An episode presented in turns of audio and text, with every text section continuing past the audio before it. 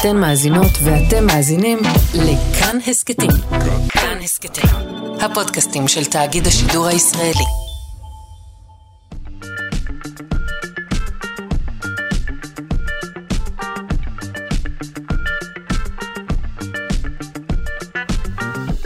שלושה שיודעים.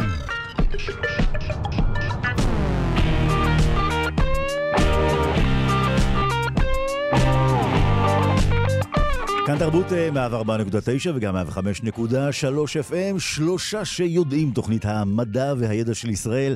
אנחנו כאן כמדי בוקר עם כל המחקרים, כל הפיתוחים המדעיים והטכנולוגיים, כל מה שבאמת מעניין לדעת. אז למשל, אה, כולנו יודעים שבדרך כלל המילה הראשונה שלנו כתינוקות היא אבא. אבל כאשר אנחנו נבהלים ממשהו, אנחנו צועקים אימא'לה. אז למה כאן זה אבא ולמה כאן זה אימא'לה?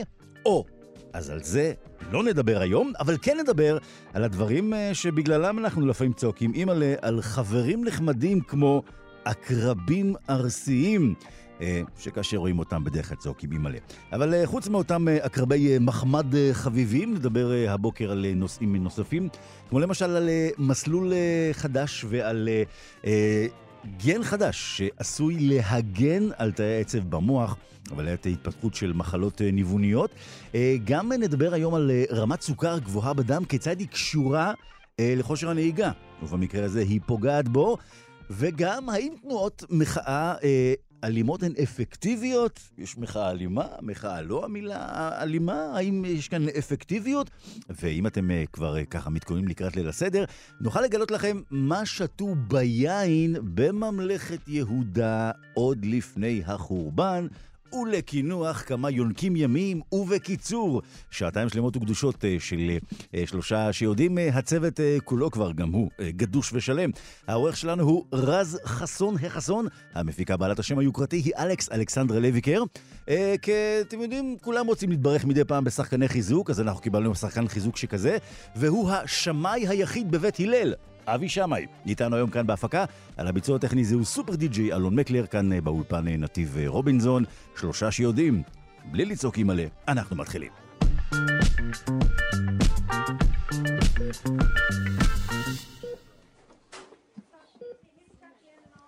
אומרים שההגנה הטובה ביותר היא התקפה. אבל כאשר שדה הקרב הוא מוח האדם, אז גם מתקפה חריפה מדי של המערכת החיסונית עלולה להוביל לתבוסה, וזה בדיוק מה שקורה אה, במחלת ה-ALS, מחלה נדירה שתוקפת את תאי העצב המוטוריים הנחוצים לתנועות רצוניות של שרירי הגוף, תזוזת רגליים ועד לתפקודה של מערכת הנשימה. אתם בטח זוכרים שהמודעות ל-ALS עלתה לפני כמה שנים, הודות לאתגר דלי הקרח ששטף את הרשתות החברתיות, אבל המחלה עצמה נותרה אה, חתוכת מרפא, והחיפוש אחר דרכים לטיפול עדיין בעיצומו. עכשיו אנחנו עם מחקר חדש שהתוצאות שלו מתפרסמות uh, בכתב העת המדעי Nature uh, Neuroscience, ושם חושפים מדעני מכון ויצמן למדע, הם חושפים גן שדווקא מוטציות בו עשויות לווסת את אה, מנגנוני ההגנה של המוח, ובכך אולי להאט את אה, התפתחותה של מחלת ה-ALS. נאמר בוקר טוב לדוקטור חן איתן, מקבוצתו של פרופסור ערן הורנשטיין, במחלקות לגנטיקה מולקולרית ולנוירוביולוגיה מולקולרית במכון ויצמן, ממובילי המחקר. בוקר טוב חן. אנחנו אומרים בוקר טוב לחן? מיד נאמר בוקר טוב לחן. אה, עוד רגע תהיה איתנו חן. אז אה, בינתיים אה, נדבר קצת על ענייני, כן, יש לנו אותה? מיד נגלה. אז בינתיים אה, רק נזכיר לכם, אה, המחקר הזה, שמדבר כאמור על ה-ALS, והמוח מסתבר, יש לו מערכת חיסונית משלו, וזו כנראה אה, גם מה שנקרא, זה הדבר הטוב וזה הדבר הרע. כי המוח יודע להגן, כאמור, על דברים שיכולים לפגוע בו, אבל מצד שני, כאשר אנחנו כן רוצים לתקוף מקרים כמו מחלות ניווניות ולנצח אותם, שם אנחנו נתקלים בבעיה. עכשיו יש לנו איתנו על הקו את אה, דוקטור חן איתן. בוקר טוב, חן. בוקר טוב, נתיב. אז עד שהצטרפת אליי, התחלתי בעצמי לספר סיפורים, כאילו את ואני היינו במחקר ביחד. אז אה, בואי, תעשי את זה את יותר טוב ממני. אמ, למוח יש מערכת חיסונית משלו, נכון, חן? נכון מאוד, כן. וזו בעצם הבעיה, זה יתרון וחיסרון. זה יתרון וחיסרון. אז בואו אני אתחיל באמת קצת מהקדמה על ALS. כן. אז ALS זה בעצם אה, מחלה ניוונית שבה התאים המוטוריים, תאי העצב המוטוריים שבמוח שלנו מתים, והם באמת התאים שאחראים לכל התנועות הרצוניות שלנו, אה, מתזוזת רגליים ועד לתפקוד של מערכת הנשימה. מהמם. ועד היום במחלה הזאת אנחנו זיהינו אה, בערך כ-25 גנים שקשורים למחלה. מה זה אומר קשורים? זה אומר שמוטציות בהם יכולות לגרום למחלה. אה, אבל עדיין בגדול המנגנון שמוביל להתפתחות של המחלת ALS הוא עוד לא ברור. ובמחקר החדש שאנחנו גילינו, אנחנו בעצם מצאנו גן נוסף שמוטציות בו קשורות למחלה, אבל בניגוד לאותם 25 גנים שזוהו עד היום, אנחנו זיהינו מוטציה שהיא כביכול פרוטקטיבית. כלומר, זה כלומר? הציע שהמוטציה שזיהינו מפחיתה את הסיכוי לחלות ב-ALS, והיא דווקא בולמת את ההתפתחות של המחלה. כלומר, אנשים שיש להם את אותו את גן, המוטציה, נכון. את, הסיכוי את אותה שלהם מוטציה, סליחה, הסיכוי לחלות הוא קטן יותר. לחלות קטן. נכון מאוד. עכשיו, הגן, אה, יש לו שם לא כל כך קומוניקטיבי.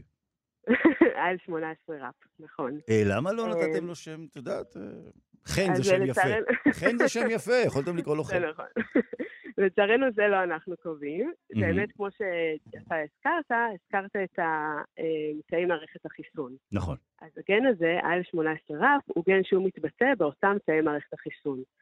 המוח שלנו, אה, חוץ מהנוירונים שיש בו, יש לו מערכת חיסון ייחודית, אה, והיא, התאים שנמצאים במערכת החיסון הזאת, הם נקראים מיקרוגליה. התפקיד שלהם הם בעצם להגן על המוח ולתקוף את המקור שגורם לניוון העצבי. אז- מה שקורה. ב- ב-ALS היא שההפעלה של אותם תאי מיקרוגליה, שכביכול אמורים להגן על הנוירונים, היא משתבשת, ובסופו של דבר היא גורמת נזק למוח שהיא אמורה להגן עליו. אז בעצם הרי הם מחפשים את המסלול שיגן על תאי המוח. נכון מאוד. אמ, כדי לבחון את זה, אתם בדקתם יותר מ-6,000 חולי LS, נכון? ויותר מ-70,000 נכון. בני אדם בריאים. כלומר, נכון מאוד. אלפי כן, אנשים, זה מחקר ענק. זה באמת היה מהלך מאוד גדול. אמ, אתה זוכר שהתחלתי, סיפרתי לך שנמצאו 25 גנים. נכון. באמת, המחקרים הגנטיים האלה שזיהו את ה-25 גנים, הם התמקדו באזורים בגנום שנקראים אזורים שמקודדים לחלבון. מהמם. זה אזורים מאוד חשובים שאנחנו, יש לנו הבנה די ברורה לאיך הם עובדים, אבל הם מהווים רק כשלושה אחוז מכל ה-DNA שלנו, מכל הגנום האנושי. כלומר, 97 אחוזים אינם מקודדים לחלבון. נכון, והם לא נחקרו ממש עד היום. וזה מה שהפתיע אותנו, ולכן אנחנו החלטנו להתמקד בחלק מאותם אזורים שעדיין לא נחקרו, אגב, אני יכול, אני יכול לשאול ברשותך שאלה, חן? אמ, בוודאי. איך בעצם עד היום, סליחה שאני אומר, אבל 97 אחוזים אינם מקודדים לחלבון, לא קם אף מדען ואמר, אני רוצה לבחון את, ה, את החברים הללו. נכון, אז זה באמת לא פשוט. אה, גם, כמו שאמרתי, ההבנה שלנו שאותם אזורים שמקודדים לחלבון היא הרבה יותר טובה אה, מאותם אזורים שהם לא מקודדים לחלבון. כלומר, אנחנו יכולים לחזות, יש לנו כלים לחזות איזה מוטציות יהרסו פעילות של חלבונים ואיזה הם לא יעשו את זה. ב-non-coding region, באזור שלא מקודד לחלבון, הרבה יותר קשה לעשות את זה. הדבר השני זה בעצם הבשלה של הרבה מאוד כלים אה, ביולוגיים. כלומר, מאוד קשה היה לרצף את כל הגנום של, של בני אדם עד היום. זה עלה Mhm. הרבה מאוד מאוד כסף וגם הטכנולוגיה לא הייתה בשלה. בשנים האחרונות אנחנו הגענו למצב שגם העלות ירדה וגם הטכנולוגיה מאוד התקדמה ואפשרה לנו לרצף את כל הגנום של האנשים. זה בעצם ה-6,000 חולים וה-70,000 אנשים שהזכרת, אהמ. זה איזה פרויקט מאוד גדול, זה נקרא קונסורציום שנקרא Project MinE, זה קונסורציום שנקרא New York Genome Center, שהם לקחו על עצמם את המטרה הזאת לרצף את כל הגנום של האנשים, ובעצם בכך לאפשר את מציאה של אותן מוטציות שעוד לא מצאנו עד היום. חן, מבחינת הנתונים, זאת אומרת, הסיכוי לחלות ב-ALS, אמ, למי שבעצם יש את המוטציה, אמ, כמה כן. בין הבריאים לכמה לחולים שבדקתם? אז ההבדל הוא פי חמש, זה ההבדל. פי חמישה. אני- וואו. נכון, אוקיי. נכון. אמ, אז מה בעצם עשינו כשמצאנו את המוטציה הזאת? אמ, אנחנו רצינו להבין מה היא עושה. למה בעצם היא מגנה מפני המחלה של ה-ALS.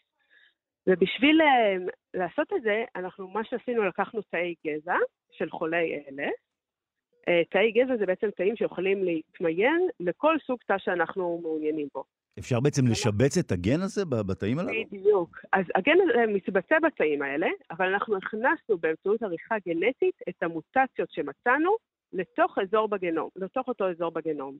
בעצם יצרנו תאים שנקראים תאים איזוגנים. Mm-hmm. זה אומר שכל הרקע הגנטי שלהם הוא, הוא זהה, של אותו חולה ה-ALS, ההבדל היחידי בין התאים זה אם יש להם את המוטציות הפרוטקטיביות או אם אין להם את המוטציות הפרוטקטיביות. כאשר יש להם, הם שורדים זמן רב יותר כאשר הם... אז, שאלה מצוינת. אז מה שעשינו, אנחנו באמת מיינו אותם לתאי מיקרוגליה, תאי מערכת החיסון, וזרענו בצלחת את אותם תאי מיקרוגליה יחד עם תאים מוטוריים, התאים שאנחנו יודעים שהם מתים במחלה.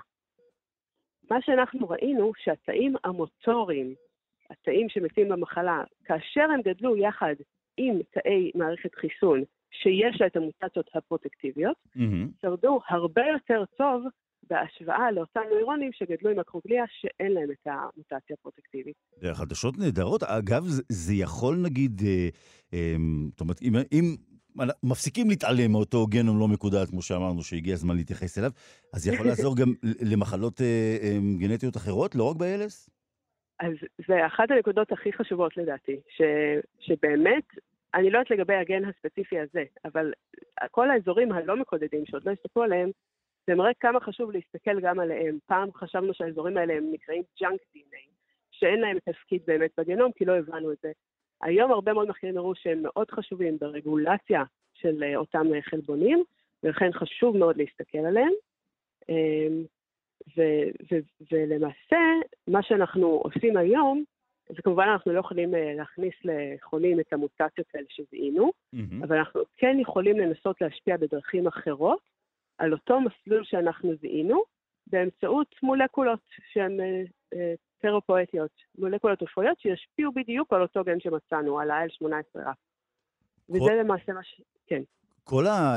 דיברת שם על 97 אחוזים, זה, זה ממש כמו החומר האפל בפיזיקה. זה, זה החומר האפל, כן. זה ההגדרה של... נכון, זה, זה החומר האפל הביולוגי, אם ההוא החומר האפל הפיזיקלי, כן.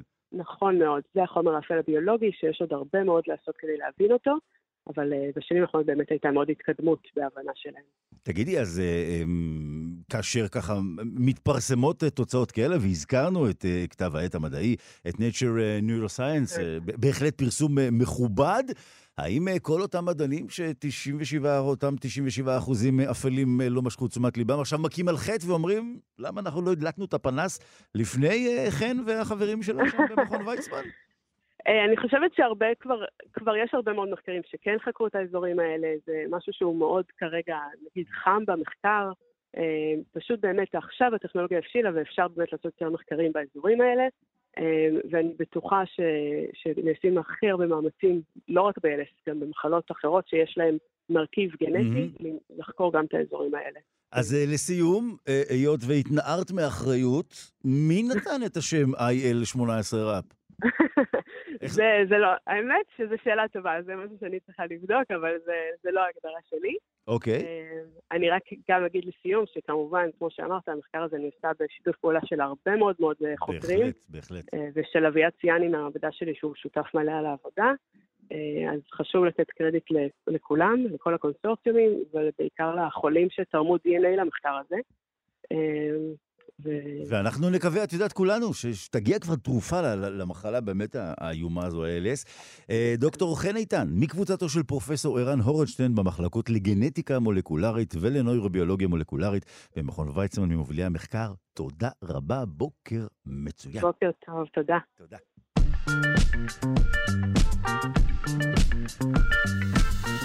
כאן תרבות אה, שלושה שיודעים, הרעשים הללו הם לא מעוררי uh, תקווה, um, כי לא כולם אוהבים לפגוש את החבר'ה הללו, אבל uh, בכל זאת, אנחנו uh, נדרשים uh, לסוגיות uh, של uh, בעלי חיים uh, חביבים, הפעם עקרבים.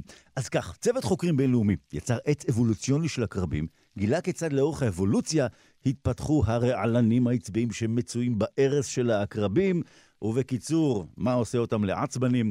נאמר בוקר טוב לדוקטור אפרת גביש רגב, מנהלת מדעית של אוסף האחבישנים הלאומי באוספי הטבע הלאומי באוניברסיטה העברית. בוקר טוב, אפרת. בוקר טוב, נתיב. אז אנחנו נדרשים אה, לסוגיות, אה, אה, כמו שאמרתי, של בעלי חיים הם פחות חביבים. העקרבים... הם דווקא לא כל כך נוראים כמו שאתה מתאר. אה, הם נחמדים? אוקיי. תראי, הקרבים שאני פגשתי עד היום, השיחות נפש שלנו הסתיימו בדרך כלל בטינג ובריצה שלי לצד שני. אבל אתם, מה שנקרא, בדקתם את המשפחות, נכון? נכון, אז בעצם uh, בפעם הראשונה, כמו שאמרת ותיארת כן. יפה, uh, צוות בינלאומי uh, יצר עץ פילוגנטי לכל משפחות העקרבים, עם יותר מ-100 מיני עקרבים מתוך 2,500 שידועים בעולם. והעץ הפילוגנטי הזה אפשר לנו לשאול שאלות על האבולוציה של ארסים uh, של עקרבים, כי למרות החששות שהבעת, הערך של העקרבים במקור לא מיועד כנגד בני אדם, הוא מיועד בעיקר אה, כנגד הטרף שלהם, שהם בדרך כלל חרקים או פרוקי רגליים אחרים. אפרת, אני מבין שאת כאן אה, מטעם העקרבים, מנסה להרגיע אותנו. לא יעזור לך. אבל אה, בואי כן נבין, משפחת העקצניים, גם השם הזה הוא שם אה, עקצני. כן, כן. את השם נכון? נתנו, השם בעברית עקצניים ניתן על פי השם אה, של אה, אמין הקטן אה, צהוב, או מי שמכיר אותו בשם הקודם, הקרב צהוב, זה בעצם אחד המינים המסוכנים לאדם בישראל. מתוך 2,500 מינים של עקרבים בעולם, ידועים כ-60 מינים מסוכנים לאדם או לחולייתנים ויונקים בעיקר. ובעצם בישראל זה אחד העקרבים המייצגים את המשפחה הענפה הזאת, ולכן השם של המשפחה באמת אה, אה, מראה לנו גם על החששות שהבעת. עם משפחה כזאת, אנחנו לא נבוא אליהם לליל הסדר לדעתי. האם בעצם אנחנו למדים על האופן שבו הרעליינים התפתחו? כלומר, לאורך השנים הם משפרים את, את יכולתם אה, העוקצנית, מה שנקרא? אז, אז קודם כל אולי נתחיל במשהו קצת אה, פחות קשור למה ששאלת, אבל חשוב להבנה. Mm-hmm. אה, עקרבים, ואני מניחה שגם אנחנו חוששים מהם, ראינו אי פעם הקרב, אה, הם נראים כמו יצורים די עתיקים. המבנה גוף שלהם אה, נראה מאוד עתיק, ויש אנשים שקוראים להם מאובנים חיים. זאת אומרת, מכאן אנחנו מניחים או מבינים שהמבנה גוף שלהם מזכיר לנו משהו עתיק, אפילו mm-hmm. יצורים שכבר אה, נכחדו ולא קיימים בעולם. כן. ולכן אה, אה, רוב החוקרים בעולם אה, הניחו שבאמת העקרבים הם מאוד מאוד עתיקים. אחד הדברים אה, שגילינו זה שהעקרבים הם לא כל כך עתיקים, למרות שהם משמרים צורת גוף באמת אה, מאוד עתיקה, ולא רק זה, שאותם מינים שהערך שלהם מתמחה ביונקים, הם יחסית אה, התפתחו, הערך לפחות התפתח לא כל כך מאוחר. קודם כל היו לנו בתוך משפחת העקצנים ערך שהוא כנגד חרקים, ומתוך mm-hmm. הגנים האלה שמאפשרים את ייצור ההרס אה, שהוא נגד חרקים התפתחו מספר פעמים במשפחה הזאת, ארסים שמיועדים באמת לתקוף יונקים, אה, וזה במקביל לזמן שאנחנו רואים שקבוצות של יונקים שהן טורפות של עקרבים התפתחו במהלך האבולוציה. אז אנחנו ממש רואים פה תגובה אבולוציונית של עקרבים כלפי טורפים שהם טורפי עקרבים. כלומר, את, את מבססת פה עכשיו את הטענה של הגנה עצמית. בהחלט, כן. בהחלט. אז זה בסדר, אה, עורכת הדין אה, אפרת. עכשיו, מי שטורף עקרבים, עטלפים, קיפודים, נכון? הם טורפים עקרבים.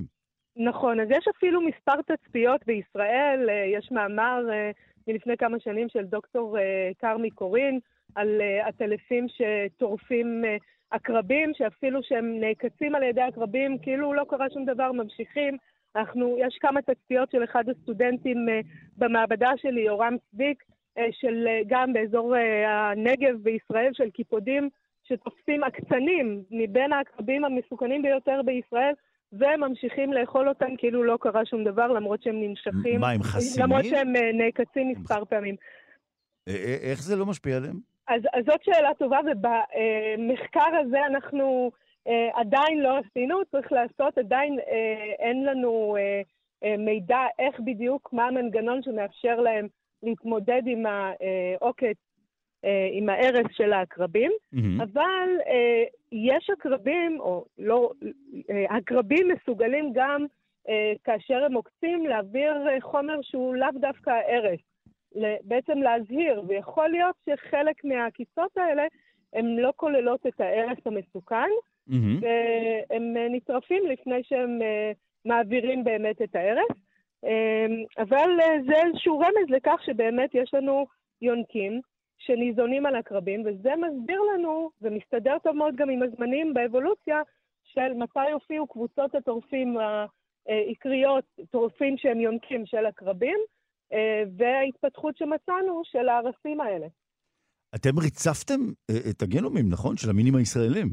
אז, אז אחד הדברים המאוד מאוד uh, uh, טובים שקרו במחקר הזה, בנוסף uh, למה שמצאנו, זה שיש uh, ש, uh, כעת 12 uh, uh, מינים שנמצאים בישראל, מינים ישראלים, חלקם מינים שידועים רק מישראל, שהגנומים uh, והטרנסקריפטומים שלהם uh, רוצפו. טרנסקריפטום זה בעצם אותם חלקים, אם נחזור רגע לשיחה הקודמת שלך, אותם חלקים שבאים לידי ביטוי, אותם חלקים שמתבטאים מתוך הגנום, אה, וזה אפשר לנו באמת לראות אה, את הדברים שקשורים יותר לארסים. אבל כן, היום אנחנו מכירים טוב יותר 12 מינים ישראלים, גם מבחינת הגנום שלהם. אפרת, את מצוטטת לשיחות שלי, אני מבין. את שמעת את השיחה שלי עם דוקטור חן איתן. אני מתחיל לפתח פה... כן, אוקיי. אז יפה שאת מצוטטת לשיחות. אתם, כמו שאמרנו כאן, בהיבט הישראלי, אבל יש כאן שותפות בינלאומית. אגב, איך העקרבים שלנו לעומת העקרבים שמעבר לים? אצלנו יותר רציניים? אז יש ויש, אבל יש לנו בהחלט לפחות שני סוגים אה, אה, מכובדים מבחינת אה, הערך שלהם. כמו שאמרתי, אה, הקטן הצהוב, ויש לנו גם אה, קטלן, שכבר משמו בעברית אפשר אה, להבין אה, כמה מילים של קטלן בישראל. ואולי זו נקודה חשובה לקראת הקיץ אה, לומר שלכל העקרבים יש עוקץ ויש הרס, חלקם יותר מסוכנים לאדם, חלקם פחות, אבל יש איזושהי מחשבה מוטעית שצבע הקרב אה, מעיד על חומרת ההרס שלו, וזו טעות גדולה. Mm. יש לנו גם מינים של עקרבים בצבע שחור, שההרס שלהם אה, מסוכן, למשל קטלן אב צוותות, או קטלן דו-גוני, הם שחורים, כהים, חומים כהים, ומבין המינים המסוכנים ביותר, גם בישראל, אבל גם בעולם. תמיד אומר... צריך להיזהר, תמיד כן. תמיד אומרים ש... חשדהו. אומרים שהורים נותנים שם לילד, אז הרבה פעמים הם קובעים לו את העתיד לפי השם שלו. אז אה, תשמעי, אם ההורים שלו קראו לו קטלן, אה, מן הסתם הוא לא יהיה מתנדב במד"א, הוא ילך לקטול אה, דברים. מה שנקרא, גורלו נקבע. כן. כן, השם המדעי הוא אנדרוקטונוס, וזה בעצם קוטל הגברים, ואנחנו מניחים שהשם בא מתוך המקום שהרבה גברים שיצאו לסוד, ונתקלו בקרב, אז הם נקצו, בחלקם לא שרדו, ומכאן בעצם הגיע אה, השם. קוטל הגברים. כן. אז הוא, אז הוא קרב פמיניסטי. אוקיי, אז הנה, גילינו uh, כמה דברים בהחלט uh, חשובים, uh, וגם גילינו שדוקטור אפרת גביש רגב היא גם משפטנית שמגנה uh, פרו בונו על הקרבים, טוענת להגנה עצמית, אבל האמת היא, uh, באמת, צוות חוקרים בינלאומי ועץ אבולוציוני של הקרבים, והנתון המאוד מאוד מעניין אמרת לנו כיצד בעצם ההרס התפתח באופן אבולוציוני. Uh, לעומת היונקים באמת, שהזכרנו שיכולים אה, אה, לטרוף אותם, ולמעשה, את יודעת, אנחנו כאן צוחקים או לא, אבל הם צריכים באמת להתגונן. זאת אומרת, אה, כמה שאנחנו לא אוהבים לפגוש עקרבים, מגיע גם להם והם צריכים להתגונן. דוקטור אפרת גביש רגב, מנהלת מדעית של אוסף החבישנים הלאומי באוספי הטבע הלאומי באוניברסיטה, באוניברסיטה העברית. תודה רבה, ואת מוזמנת להזין גם לשיחה הבאה, כי האזנת לקודמת, אז את יכולה. תודה רבה, יום נעים. תודה, אפרת.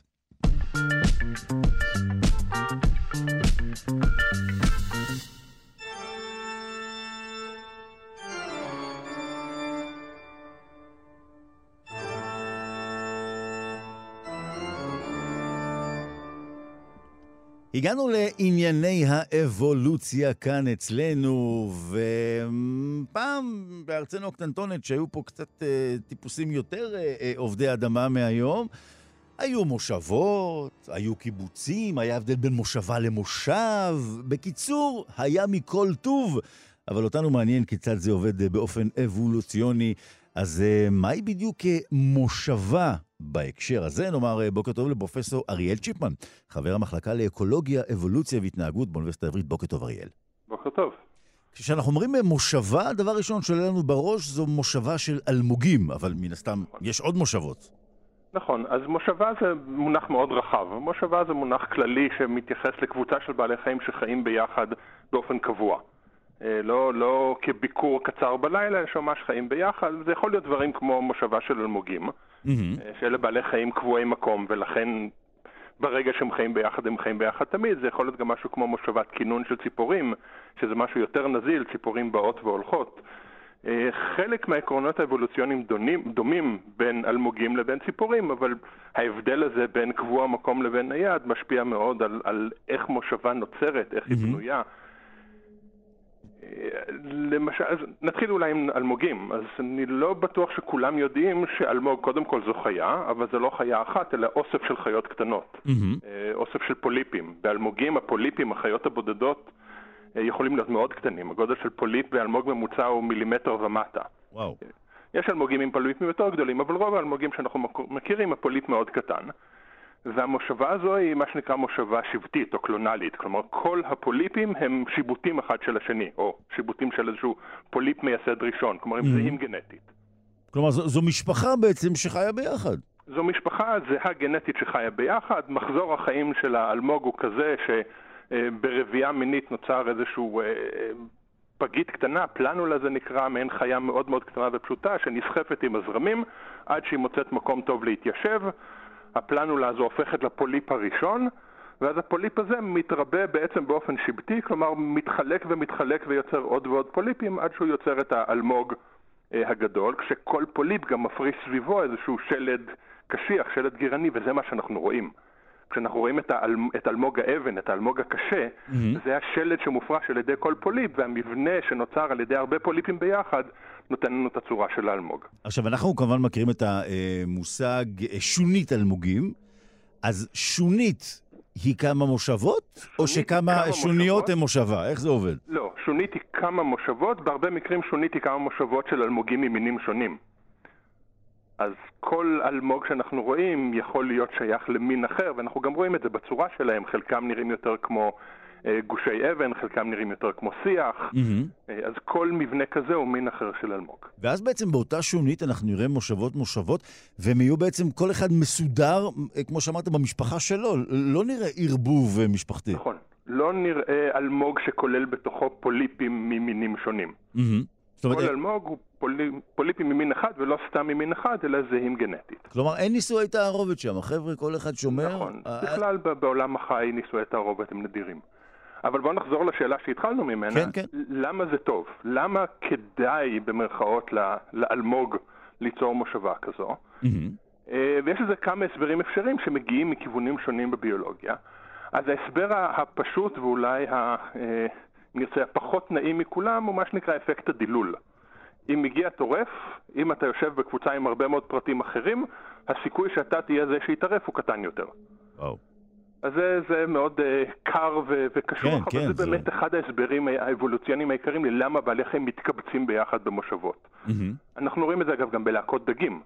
כשדגים מתקבצים ביחד בלהקה, זה הם אומרים לעצמם במרכאות, יש הרבה דגים, יגיע דולפין, יגיע כריש, אז הוא... חלק מאיתנו ש... יצליחו לברוח, כן. בדיוק, הוא יאכל מישהו אחר ולא אותי, ככל שאני עם יותר פרטים, אז הסיכוי שלי כפרט בודד אה, להתערף הוא יותר קטן. ובטח אם זה דג שאתמול אה, הרגיז אותי בתור לאוכל, אז שיתפסו אותו, למה אותי? אה, אז זה הסבר אחד. אבל יש הסבר אחר שקשור לזה ש... במקרה של האלמוגים, שזו מושבה קלונלית, כלומר כולם זהים. Mm-hmm. עכשיו, מבחינה אבולוציונית, האבולוציה פועלת על תכונות שמגדילות את הסיכוי להעביר את הגנים לדור הבא. זה העיקרון הבסיס mm-hmm. של הברירה הטבעית. עכשיו, ברגע שכל הפרטים זהים גנטית, גם אם פרט אחר מעביר את הגנים שלו לדור הבא, מבחינת המושבה, מבחינת כל פרט, זה בסדר כי הגנים שלו זהים. ישנה חשיבות אה, אה, לצבעים? הרי אנחנו יודעים שצבעים שונים לאלמוגים מבחינת אה, הקשר המשפחתי, כמו שהצגת כאן? לכל מין של אלמוג יש צבע אחר. הצבע של האלמוגים בהרבה מקרים הוא בכלל לא הצבע של האלמוגים עצמם, אלא צבע של כל מיני חד-תאים שחיים בתוכם. Mm-hmm. אבל זה, זה המקור לצבע. אה, אבל אתה מסיט אותי מה...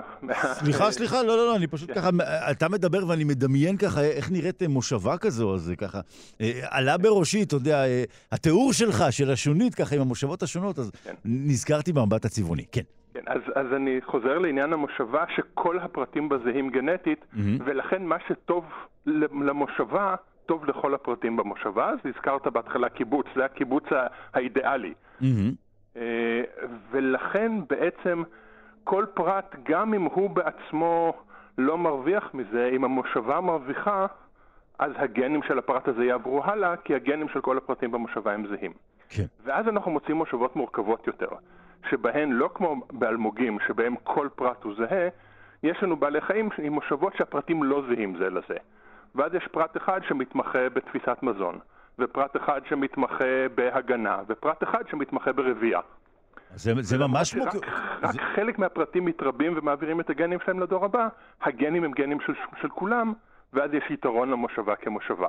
זה ממש כמו שתיארת אה, קיבוץ, אה, כמו שהיו עושים פעם, אה, חלק בשמירה, חלק במטבח, חלק... אה, ממש תיארת כאן אה, אה, שיתופ... חברה שיתופית. נכון, אז זה הרעיון של, של מושבות מורכבות, ואנחנו מוצאים את זה בקרובי משפחה של האלמוגים, אה, צורבים אחרים, שבהם יש מושבות מורכבות, שאגב, לא תמיד המושבות הן מושבות קבועות.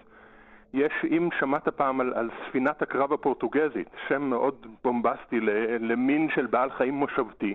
וואו, שם רציני, כן. שם רציני, הוא נראה כמו מדוזה, ולמעשה זה לא פרט אחד, אלא מושבה של הרבה מאוד פרטים, שכל אחד מהם יש לו תפקיד אחר, ולהבדיל מאלמוגים זו מושבה שהיא ניידת. אחד הפרטים הופך להיות מצוף, אחד הפרטים מתמלא באוויר, mm-hmm. מחזיק את כל המושבה על פני המים, ואז המושבה כולה נסחפת עם הגלים, כשהפרטים האחרים מדלדלים מתחת וחלקם מתמחים בתפיסת מזון וחלקם בהגנה וחלקם ברבייה. והעיקרון הוא אותו עיקרון שהתחלנו איתו עם, ה, עם האלמוג הפשוט. כן.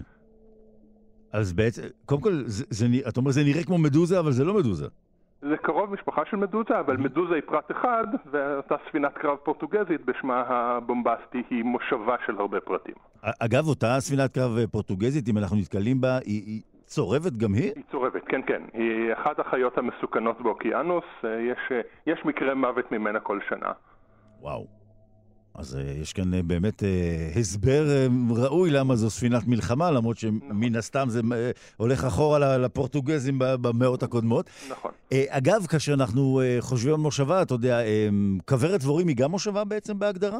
כן, אז יש לנו מושבות גם של חרקים למשל, אז יש הרבה מאוד חרקים מושבתיים שבתוך הדבורים אותה מושבתיות הופכת להיות קיצונית, ובדומה למה שהזכרתי קודם, שם זה לא עניין של זהות גנטית, זה של קרבה גנטית, mm-hmm. אבל בדבורים כל דבורה עוזרת למושבה כמושבה, ובזאת מגדילה את הסיכויים של הגנים שלה, שמשותפים לגנים של המושבה, להמשיך הלאה, גם אם הדבורה הבודדת לא תרוויח מזה. אנחנו כולנו מכירים את הסיפורים של הדבורים שמקריבות את עצמן, זה קצת הגזמה, אבל דבורה שעוקצת מתה. אג, אגב, מתה... באמת, אנחנו גדלנו על סיפור שהיא מקריבה את עצמה, אתה אומר, זה, נכון, אז זה, לא נכון? היא מקריבה את עצמה, וזה קצת, כן. uh, קצת דרמטיזציה. הירואי מדי, אתה אומר, כן. כן, אבל בפועל זה נכון. היא, בזה שהיא מגינה על המושבה, על הכוורת מפולש, היא מגדילה את הסיכוי של הכוורת כולה לשרוד, ובגלל שהיא קרובה גנטית לחברותיה בכוורת, אז הגנים שלה, גם אם לא שלה ספציפית, הגנים שהיא חולקת עם הכוורת, יעברו הלאה לדור הבא. מה, אז אנחנו אה, למדים שבעולם החי חשבו על החיים השיתופיים אה, הרבה לפני שהאדם בכלל, אה, אתה יודע... בהחלט. עלו לו הרעיונות השיתופיים אי אז באי אלו פילוסופיות. אז הנה, למדנו על החיים, החיות שחיות במושבה, בטבע, האלמוגים בעיקר, וכמובן הדוגמאות הנוספות. אה, כתמיד, מאלף אה, באלף ומעניין, פרופסור אריאל צ'יפמן, חבר המחלקה לאקולוגיה, אבולוציה והתנהגות באוניברסיטה העברית. תודה רבה, אריאל. בוקר טוב. בוקר טוב, להתראות.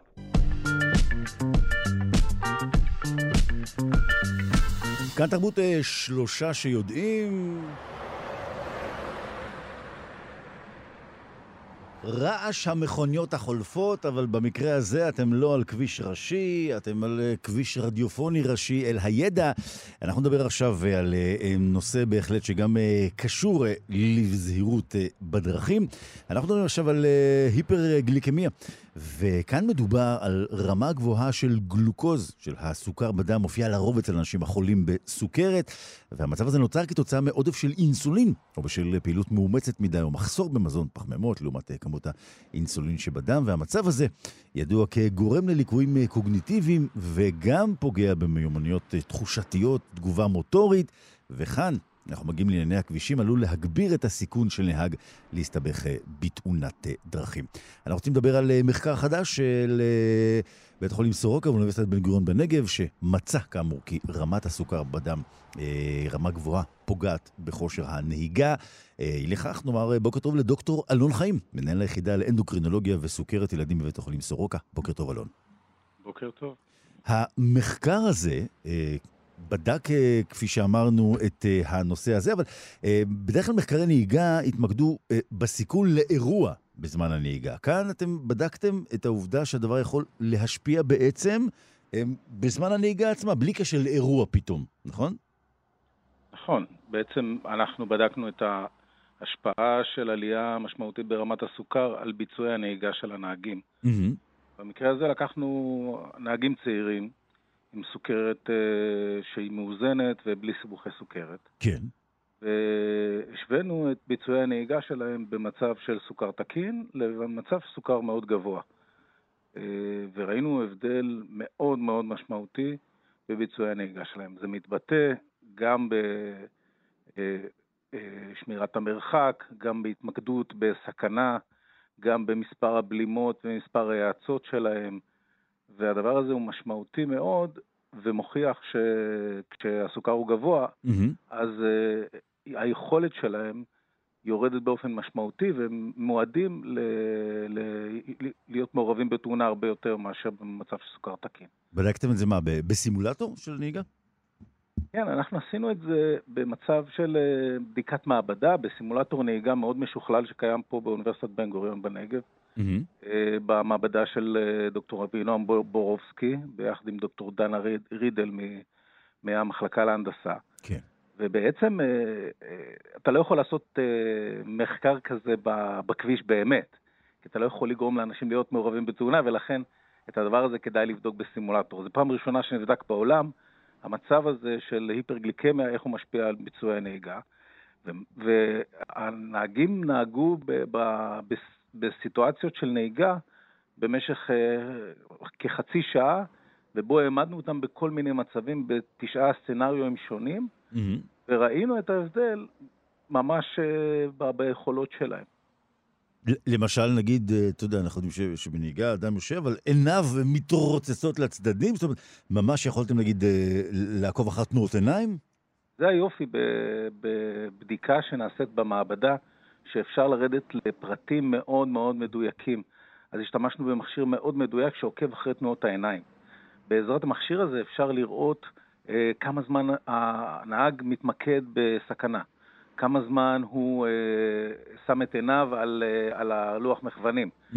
איפה העיניים שלו מסתכלות כאשר הוא אה, אה, נוהג, וכשאדם הוא פחות מרוכז, אז העיניים שלו הרבה הרבה הרבה יותר מתרוצצות, וראינו את זה באופן מאוד מובהק במחקר הזה. אז זה, זה נשמע קצת כאילו שאדם במצב של אה, אה, היפרגליקמיה, הוא, הוא כאילו נוהג תחת אה, אלף אלפי הבדלות, השפעת אלכוהול. זאת אומרת, הוא, הוא בעצם, הוא לא כשיר.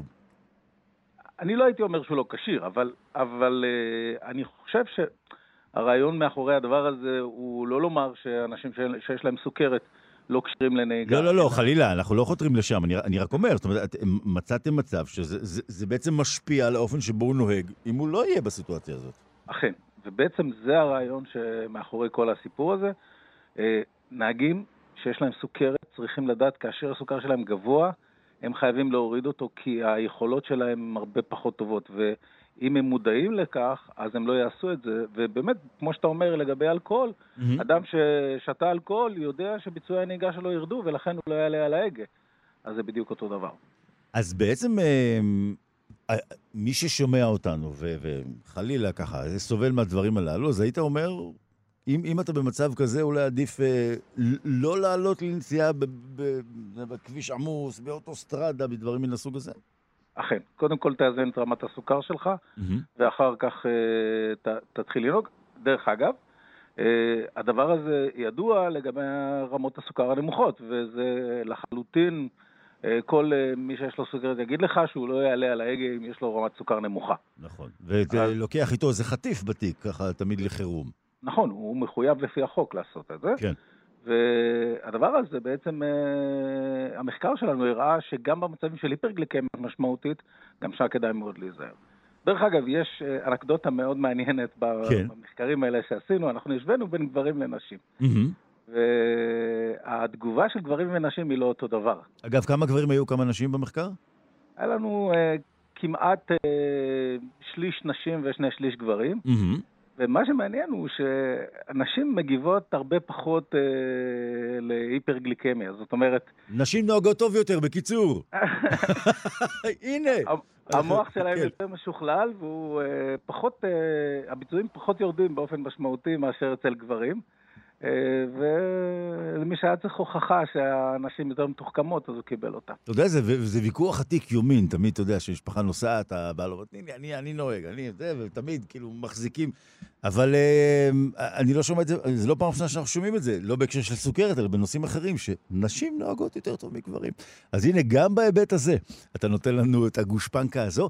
אה, אגב, רק לסיום, סבר אוזנינו, בפתיחת השיחה הזכרתי שבמחקרים הקודמים בדקו רק מצב ש, שקורה אירוע פתאומי. זאת אומרת, אה, תן לנו רק אה, ככה להבין את ההבדלים בין, בין מחקר כזה למחקר אחר. תראה, אנחנו בדקנו ב, בכוונה את העלייה שהיא עלייה אקוטית, עלייה חדה של רמת הסוכר. Mm-hmm. הדבר הזה פותח בעצם אה, צורך ב- לעשות שני דברים. אחד, לבדוק האם רמה גבוהה של סוכר תמידית מורידה גם את ביצועי הנהיגה, והשאלה השנייה היא מה הסף. כי אנחנו בדקנו רמות מעל 300, זה רמות מאוד גבוהות. כן, 300 זה הרבה. כן, אבל זה היה בשביל להוכיח באמת את הדבר הזה. אבל אנחנו צריכים לבדוק מה הסף. ואני חושב שהמחקר הבא יהיה לנסות לזהות מה הסף שאצלו מתחילים אה, לרדת ביצועי הנהיגה. אז הנה המחקר החדש הזה, שיתוף אה, פעולה, כאן הזכרת באמת ככה את, את, את אה, המשתתפים. ובואו נזכיר, דוקטור אלון חיים, מנהל היחידה לאנדוקרינולוגיה וסוכרת ילדים בבית החולים סורוקה. תודה רבה, ואחרי שאנחנו גם יודעים כבר מי נוהג יותר טוב, אז אתה יודע, אתה... עכשיו אתה מנעת הרבה ויכוחים הבוקר במכוניות רבות, שזה אתה בכבישים, אנשים שומעים אותנו, אז... או שהתחלתי ויכוח חדש. או שהתחלת, תראה, תשמע, אתה יודע... תישא באחריות, בקיצור. דוקטור אלון חיים, תודה רבה. תודה לכם.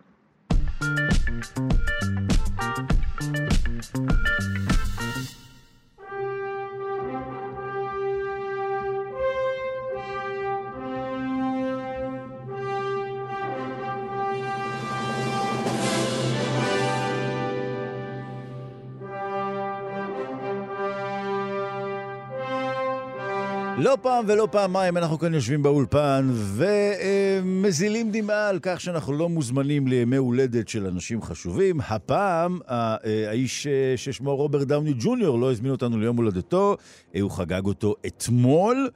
קצת נעלבנו, אך כדי להעביר את תחושת העלבון, זימנו לכאן את אבנר מירב, פרשננו לעיני גיבורי על. אולי הוא היה ביום הולדת. אבנר, אתה היית?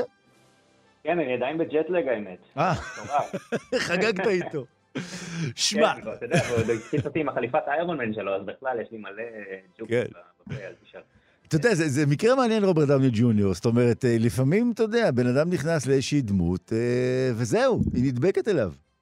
כן, תשמע, כל מי שנולד, בוא נאמר, אה, ב-20 שנה האחרונות, לא מכיר את רוברט דני ג'וניור בשום דבר שהוא לא איירון מן, פחות או יותר. Mm-hmm. אבל אנשים שוכחים שלבן אדם הייתה קריירה מאוד מפוארת לפני, הוא היה שחקן מאוד מאוד נחשב מגיל מאוד צעיר. נכון. ואז הוא פשוט קרה לו מה שקרה להרבה מאוד מפורסמים, והוא נכנס למעגל קשה מאוד של סמים והתמכרויות. אה, וזה עלה לו בקריירה שלו באיזשהו מקום, כשהוא לא רק ב-2008. אה, להיות איירון אה, מן. הוא כבר היה גמור לחלוטין, אף אחד לא רצה ללהק אותו לשום דבר. הוא קיבל פחות כסף מכוכב המשנה שלו בסרט, אה, שזה באמת חסר תקדים. הוא קיבל חצי מיליון דולר שבשביל כוכב ראשי בשובר קופות כזה, זה, זה באמת שום דבר במונחים של הוליווד. וואו. לשם השוואה, בסרט האחרון שלו, של מארוול, אחרי הסאגה הזאת, בתום יותר מעשר שנים, בעצם בתום 18 שנה, הוא קיבל 75 מיליון דולר. יחי ההבדל הקטן, כן. כן, כן.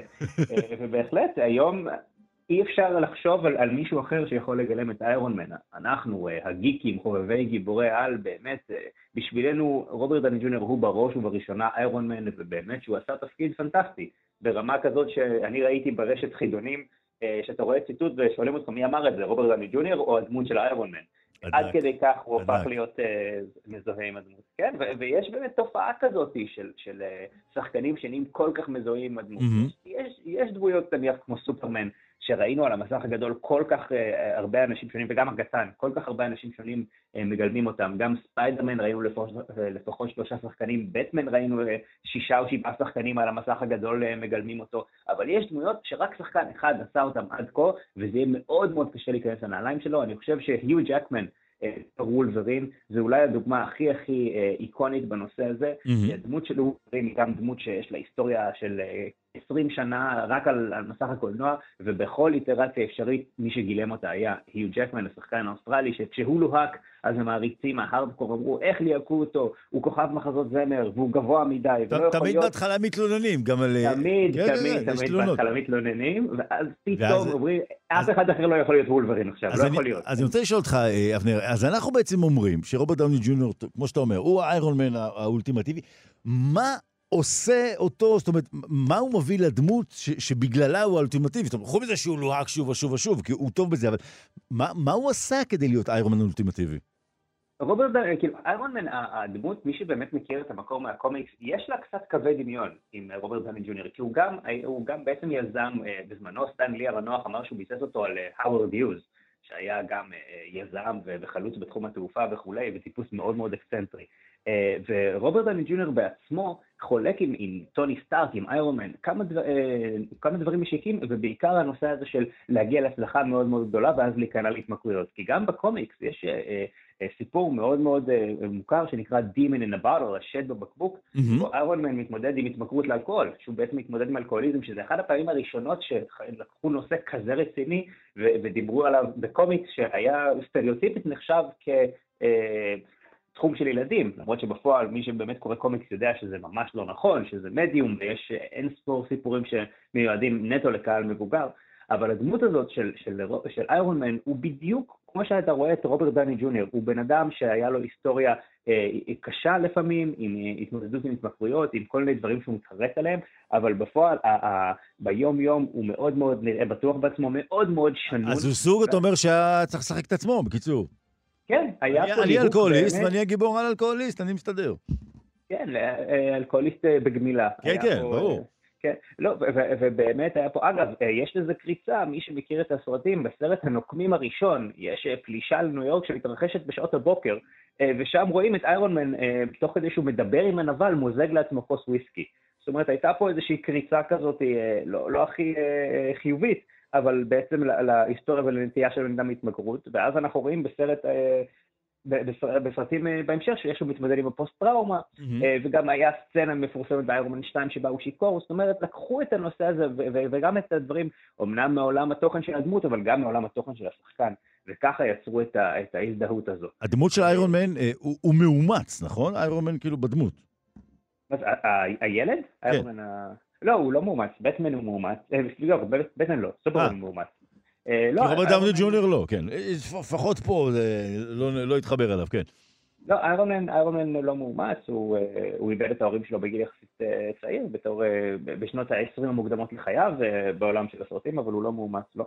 אה, אבל כן, יש פה, עדיין יש פה הרבה דברים, ואני באמת חושב שהאופי שלו, והיכולת שלו באמת להישאר חיובי ועוקצני וחייכני, למרות כל העבר הקשה, הקשה שהוא עבר, ולמרות כאילו, לא משנה מה החיים זורקים עליו, הדמות של איירון מן זו דמות שבעצם בסופו של דבר שומרת על, על האווירה, על המהות שלה, גם כשהוא מתעצבן וגם כשהוא חווה טראומה וגם כשהוא חווה אובדן, הוא בסופו של דבר חוזר ו- ומצליח לשפר את הגישה שלו איכשהו ולהישאר אה, חיובי, וגם מאוד מאוד אה, approachable, מאוד נגיש, הוא נראה כמו בן אדם שבא לך לשבת איתו לדריק. ברור, קודם כל שיזמין אותנו לדריק. אני רוצה לשאול אותך, אבנר, אמ, אה, הוא חגג אתמול יום הולדת, כאמור, 57.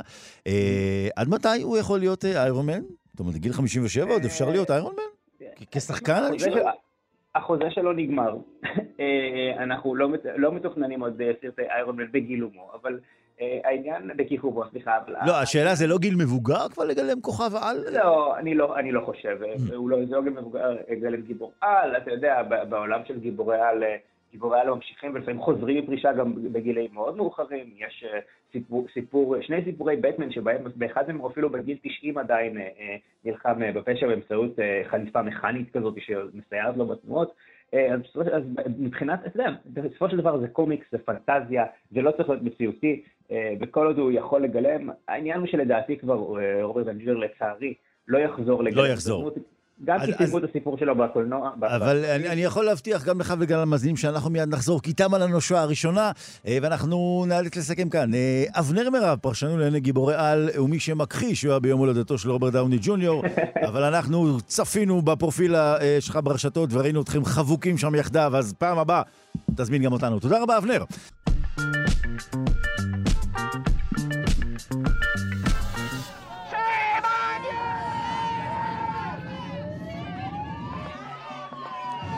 אנחנו כמובן אה, זוכרים את אה, אשר קרה בקיץ 2020, אה, אחרי הרצח של ג'ורג' פלויד בארצות הברית. גל המחאות, גם לא אלימות וגם אלימות, וכמובן לתנועת Black Live Matter.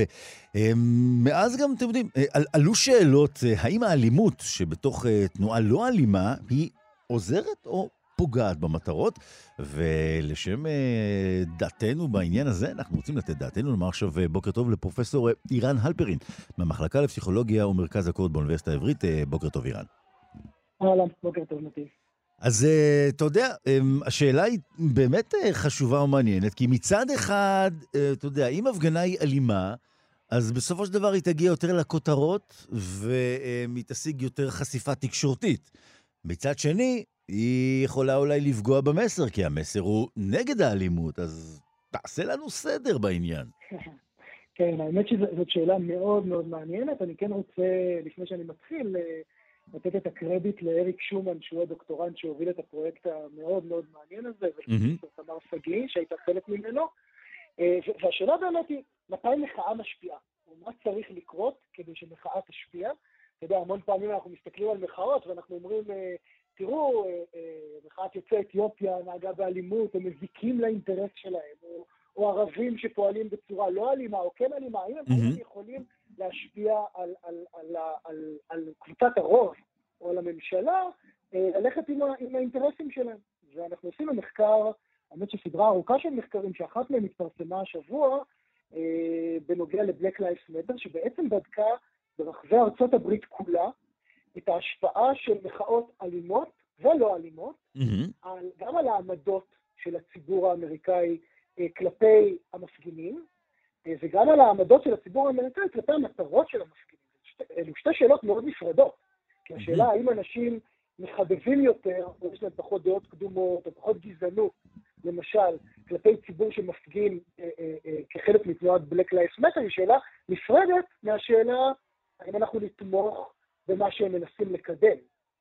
אני חושב שהממצאים הם ממצאים מאוד מעניינים וגם קצת פרובוקטיביים, אני יכול לספר עליהם אם תרצה.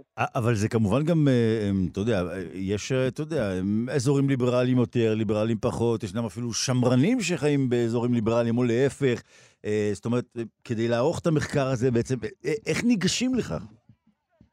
אז קודם כל, זה, זה באמת מתודולוגיה, זו מתודולוגיה מאוד מורכבת, ואני אתן לאריק את הקרדיט כי הוא הוא האדם אה, שהגיע עם הרעיון, והוא בעצם אה, לקח קובץ נתונים קיים בארצות הברית, הצליח mm-hmm. למפות את רמות האלימות או אי האלימות או, או המאפיינים השונים שהייתה בכל הפגנה ברחבי ארצות הברית בשנת 2020 על פי שכונות. וואו. מדברים על עשרות אלפי אה, נקודות זמן ונקודות גיאוגרפיות, ובעצם חיברנו את הנתונים האלה לנתונים של עמדות כלפי שחורים אפרו-אמריקאים בארצות הברית, לפני ואחרי ההפגנות, mm-hmm. ועמדות כלפי המדיניות שבלק לייף מטר ניסתה לקדם בהקשר של פעילות המשטרה, שוויון, הפחתה של גזענות וכו', לפני ואחרי ההפגנות. זאת אומרת, היה לנו מעין ניסוי מאוד מאוד גדול על עשרות אלפי אנשים בארצות הברית, כן. על פי השכונות שבהן הם גרים וההפגנות או סוג ההפגנות, המאפיינים של ההפגנות שהתקיימו באותן שכונות. גם בדקתם למשל, נגיד, אה, תמיכה אה, ברפורמה, נגיד, במשטרה? זאת אומרת, דווקא בכוחות החוק? ממש, זה, אלו, היו, אלו היו בעצם התוצרים שאותם בדקנו, שהושפעו על ידי ההפגנות. תמיכה ברפורמות במשטרה, תמיכה ברפורמות בממשל, תמיכה ב, ב, ב, ממש במדיניות שהיא מדיניות יותר שוויונית, והבחנו בין זה לבין שינוי למשל בדעות קדומות כלפי, אה, אה, כלפי האוכלוסייה האפרו-אמריקאית בארצות הברית. שמע, מתחת אותנו. עכשיו אמ, אתה הולך להפיל אותנו מהכיסא? אני חושב שאני הולך להגיד דברים שהם אה, מעניינים, ואולי, ואולי לא לגמרי אינטואיטיביים. אני אגיד קודם כל שהחלק הראשון של, של הממצאים מראה שלא הייתה לסוג ההפגנות שום השפעה על רמת הדעות הקדומות והגזענות כלפי אזרחים אפרו-אמריקאים בארצות הברית. זאת אומרת, אם אנחנו חושבים שהפגנות אלימות או הפגנות לא אלימות יכולות באופן דיפרנציאלי להשפיע על רמות של דעות קדומות כלפי הקבוצה המפגינה, אז לפחות המחקר הזה מראה ש, ש, ש, שזה לא ככה. כלומר, מי, ש, מי שמקובע בדעותיו, נכון, יישאר לא... שם מקובע, ממוסמר לרצפה. ממש, לא, לא, לא, לא הייתה לזה השפעה, וזה, וזה קצת מפתיע, כי לפעמים אנחנו אומרים, אם, אם, אם, אם קבוצה מסוימת נוהגת באלימות, העמדות שלנו כלפיהם אה, יקצינו, ויהיו, ויהיו שליליות יותר, אנחנו לא מוצאים את זה. Mm-hmm. מה שאנחנו כן מוצאים, זה שדווקא, אה, אה, אה, נגיד, קורטוב של הפגנות אלימות, מעט הפגנות אלימות, בתוך ים של הפגנות לא אלימות, הצליח לייצר שינוי דווקא בקרב אלה שהכי התנגדו למטרות של ההפגנה. זאת אומרת, דווקא בקרב מצביעים רפובליקנים בארצות הברית, שמתנגדים או התנגדו למטרות של Black Lives Matter, אנחנו מצאנו השפעה חיובית, השפעה חיובית mm-hmm. של הפגנות אלימות שהתקיימו בתוך סיטואציה... לא אלימה. אירן, אתה שומע אותי? נעלם לנו מהקו, נקווה שזה לא השמרנים שלא אהבו את הממצאים. אה, שלא אהבו לה את הממצאים, ולכן הם אה, לקחו לנו טירן מהקו. אה, אנחנו מנסים להשיג אותו שוב. טוב, מיד ישוב אלינו פרופסור אירן אלפרין. נזכיר, מהמחלקה לפסיכולוגיה ומרכז אקורד באוניברסיטה העברית, ואנחנו מדברים על המחקר המאוד מאוד מעניין הזה. ועד שהוא ישוב אלינו לקו, בואו נזכיר לכם כבר את הנקודות שעד עכשיו ככה, בכל זאת כבר הספקנו לשמוע. הסיר כאן אירן ששילוב של הפגנה לא אלימה, אבל כזו שמתובלת בקצת אלימות, זו ההפגנה שיכולה להשפיע, ואפילו על רפובליקנים שמרנים בארצות הברית אה, של אמריקה. אה, חוזר אלינו פרופסור אה, אלפרין. טוב, מיד יחזור אלינו, ואנחנו נוכל להמשיך את השיחה המאוד מאוד מעניינת הזו. נזכיר עוד נתון ש... כאן מסר לנו פרופסור אלפרין עד שהוא נעלם לנו מהקו. פרופסור אלפרין, חזרת אלינו? כן, אולי, אתה יודע, אנשים, חשבתי שאולי כמה רפובליקנים העלימו אותך מהקו, כי לא אהבו מה שאמרת. אז תשמע, בינתיים ש...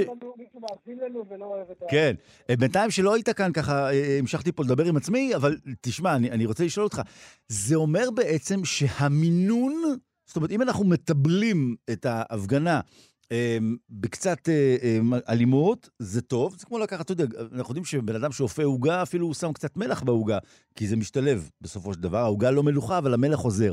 אז גם כאן אתה בעצם אומר, שימו איזה קורט אלימות בתוך הפגנה רגועה, זה ישפיע יותר מאשר היא תהיה רגועה לגמרי?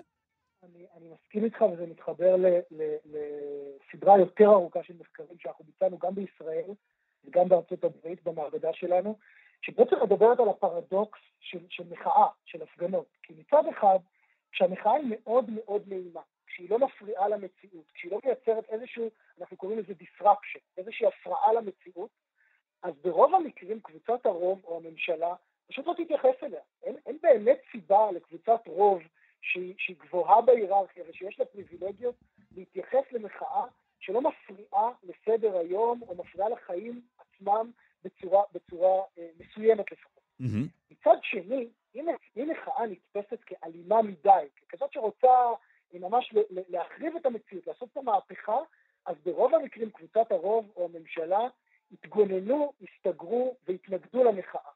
ואנחנו מדברים על איזושהי נקודת איזון מאוד מאוד עדינה, איזשהו sweet spot, שאריק שומן בעבודת הדוקטורט שלו קורא לה constructive disruption, זאת אומרת איזשהו משהו שמצד אחד הוא, הוא מחאה שנתפסת כמפריעה, כדיסרפטיב, mm-hmm. ומצד שני נתפסת כדיסרפטיב מתוך רצון לבנות ולא מתוך רצון להרוס. ולכן מחאות שהן ברובן לא אלימות, אבל הן כן מייצרות הפרעה למציאות, אולי יש בהן קצת אלימות, שאומרת לקבוצת הרוב או, או, או לממשלה, אתם לא תוכלו להמשיך לנהל את החיים שלהם שלכם באופן שגרתי כמו שהם, אבל מצד שני אנחנו לא רוצים להרוס פה את המקום, או להרוס את המדינה, או להרוס את החברה, אנחנו רק רוצים לשפר את המצב. הן ההפגנות שמצליחות לייצר איזשהו אפקט גם על המציאות. שמע, זה, זה מעניין, זה, זה באמת, אה, אה, ככה, הפלת אותנו מהכיסא, קמנו והתיישבנו בחזרה, אבל זה מאוד מעניין מה שאתה אומר, ש, שבעצם... אה, בסופו של דבר צריכים קצת אה, את ההתפרעות הזאת, צריכים אולי להפוך מכונית אחת או שתיים, אבל לא יותר מזה, אבל עדיין צריכים לעשות אחת לפחות. ואגב, אה, במקרה הזה, תשמע, תנועת אה, Black Lives Matter אה, שטפה את העולם כולו. עד היום, גם שנתיים אחרי משחקי כדורגל, נפתחים בכך שאנשים מבצעים את קריאת הברך, ולא רק, אתה יודע, אירועים ברחבי העולם. אז כפי שאתם אומרים כאן, במחקר המאוד מאוד מעניין הזה, פרופסור אירן אלפרין, אתה רוצה ככה לפני סיום להזכיר, לקרדט כמה מעמיתיך החשובים? כן, אז שוב, מי שהוביל את המחקר הוא אריק שומן, שהוא דוקטורנט אצלנו באוניברסיטה העברית, והיו שותפים לו גם אה, סיואר חסן אסלי וגם פרופסור תמר שגיא וגם פרופסור מרטן ון זומרן אה, מאוניברסיטת כרונינגן, והמאמר התפרסם השבוע ב-PNAS וכולם אה, מוזמנים לקרוא. אז כולם מוזמנים לקרוא, ואם פרופסור אלפרין פתאום נעלם מהקו, אתם יודעים במי לחשוד, כי אנחנו כבר חשדנו. תודה רבה, בוקר טוב. תודה רבה רבה, בוקר טוב.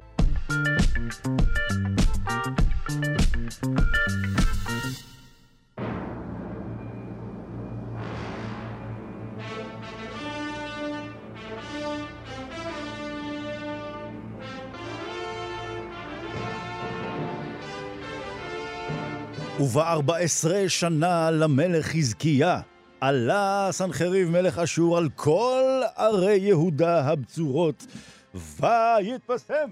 אז אנחנו עכשיו נבדוק אה, מה קרה שם אה, לחזקיה בעניינים החשובים הללו. אה, נאמר בוקר טוב לדוקטור אילן אבקסיס, שדרן הסכת דברי הימים על המקרא והמזרח הקדום, אילן.bc.co.il. בוקר טוב אילן. בוקר טוב, זה אילן ABC, לא BC. מה שלומך? אה, במי אמר BC? כנראה אתה לא שמעת טוב, סתם סתם. אז אה, אילן, בוא נעשה כן. דבר כזה. אנחנו על חזקיה, אה, נכון. מכר ותיק שלך, אנחנו מבינים, מלך יהודה, אה, דמות מקראית מעניינת. נכון, נכון, ואנחנו היום נתמקד במחלת חזקיה, שמופיעה לאחר סיפור הנסיגה האשורית מירושלים. הסיפור עצמו מופיע בשני מקומות, בספר מלכים ובספר ישעיה. אנחנו נקרא מספר מלכים, ההבדלים לא מהותיים לענייננו. שים לב מה כתוב. בימים ההם, כלומר אחרי הנסיגה, חלה חזקיהו למות, ויבוא אליו ישעיהו בן אמוץ הנביא, ויאמר אליו, כה אמר אדוני, צב לביתך, כי מת אתה ולא תחיה. עכשיו חזקיהו חלה, והוא קרא לנביא לדרוש באדוני כמקובל, והתשובה הייתה, אה, מת אתה ולא תחיה. חזקיהו בעצם חי על זמן שאול. עכשיו חזקיהו התפלל לאדוני וסיים את התפילה, שים לב לנתיב, אה, איך הוא סיים, ויבך חזקיהו בכי גדול, התפילה, ואתה יודע, גם הבכי עשו את שלהם, וכך אמר אלוהים, שמעתי את תפילתך, ראיתי את דמעתך, הנני רופא לך ביום השלישי, תעלה בית אדוני, והוספתי על ימיך 15 אה, שנה. עכשיו, זה לא נגמר כאן, אתה יודע, עם כל הכבוד לתפילה, ויש כבוד כמובן, יש גם, mm-hmm. צריך משהו ארצי. ויאמר ישעיהו, קחו גבלת תאנים, ויקחו וישימו על השכין ויחי. עכשיו, חזקיהו לקה בשכין.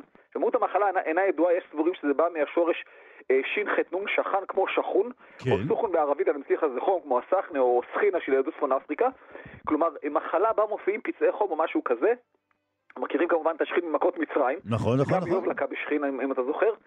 בכל אופן, שמו טבלת תאנים, עכשיו בגרסת ספר ישעיהו כתוב וימרחו, כלומר, הייתה פה משחה כלשהי, עכשיו שמו או מרחו, זה לא משנה, שמו על, הש, על השכין והמחלה נרפאה. עכשיו, לא ברור מה מהות הטיפול, אולי בטבלה יש חומרים משקר כאבים או דברים מרפאים, משהו כזה. עכשיו, אה, נתיב, אתה, אתה מבין כמובן שגם רוב המזינים, אנחנו צורכים דבלה בבליעה ולא לאור. עכשיו, אולי יש פה איזה רמז לסטארט-אפ מקראי בנושא קוסמטיקה רפואית, מי יודע. ולא חשבנו על זה.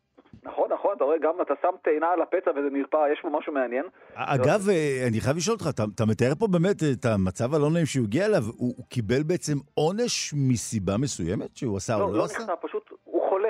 עכשיו, נכון שבתפיסה המקראית אם אתה לוקה במחלה זה כנראה עונש על משהו, אבל לא כן. נאמר מה החטא. Mm. אז אנחנו לא, לא יודעים מה, מה קרה שם בדיוק. עכשיו, אה, דבר מעניין, אה, זה לא הייתה מחלה מדבקת או מחלה ממארת, בניגוד לרושם הראשון שהוא הולך למות, אלא מחלה מציקה ולא נעימה. עכשיו, אדוני הבטיח לו שתוך שלושה ימים הוא יעלה לבית אדוני, מן הסתם כדי להקריב איזשהו קורבן תודה או משהו כזה. עכשיו, חזקיהו ש... אה, היה ספקן, שאל את ישעיהו, תגיד, איזה אות הוא יקבל שאכן תוך שלושה ימים הוא יירפא? ושים לב לחוסר האמונה של חזקיהו, אולי פה זה מתכתב עם החטא הזה ש... ש... ברקע הדברים. זהו, לא מחפשים אותו, כן, מה הוא אומר? עכשיו, ואתה יכול גם כשחזקיהו דימה את מצבו קצת יותר קשה ממה שזה באמת. עכשיו, ישעיהו הכריז על האות, אמר, ויאמר ישעיהו, זה לך אות מאת אדוני, כי יעשה אדוני את הדבר אשר דיבר, הלך הצל עשר מעלות אם ישוב עשר מעלות. האות הוא כזה, הצל ילך עשר מעלות. מה הכוונה? מדובר כנראה בשעון שמש, ואז הצל שמראה את. השעה יתקדם עשר מעלות במהירות או משהו כזה. לא וזה יהיה בעצם האות שהוא יקבל.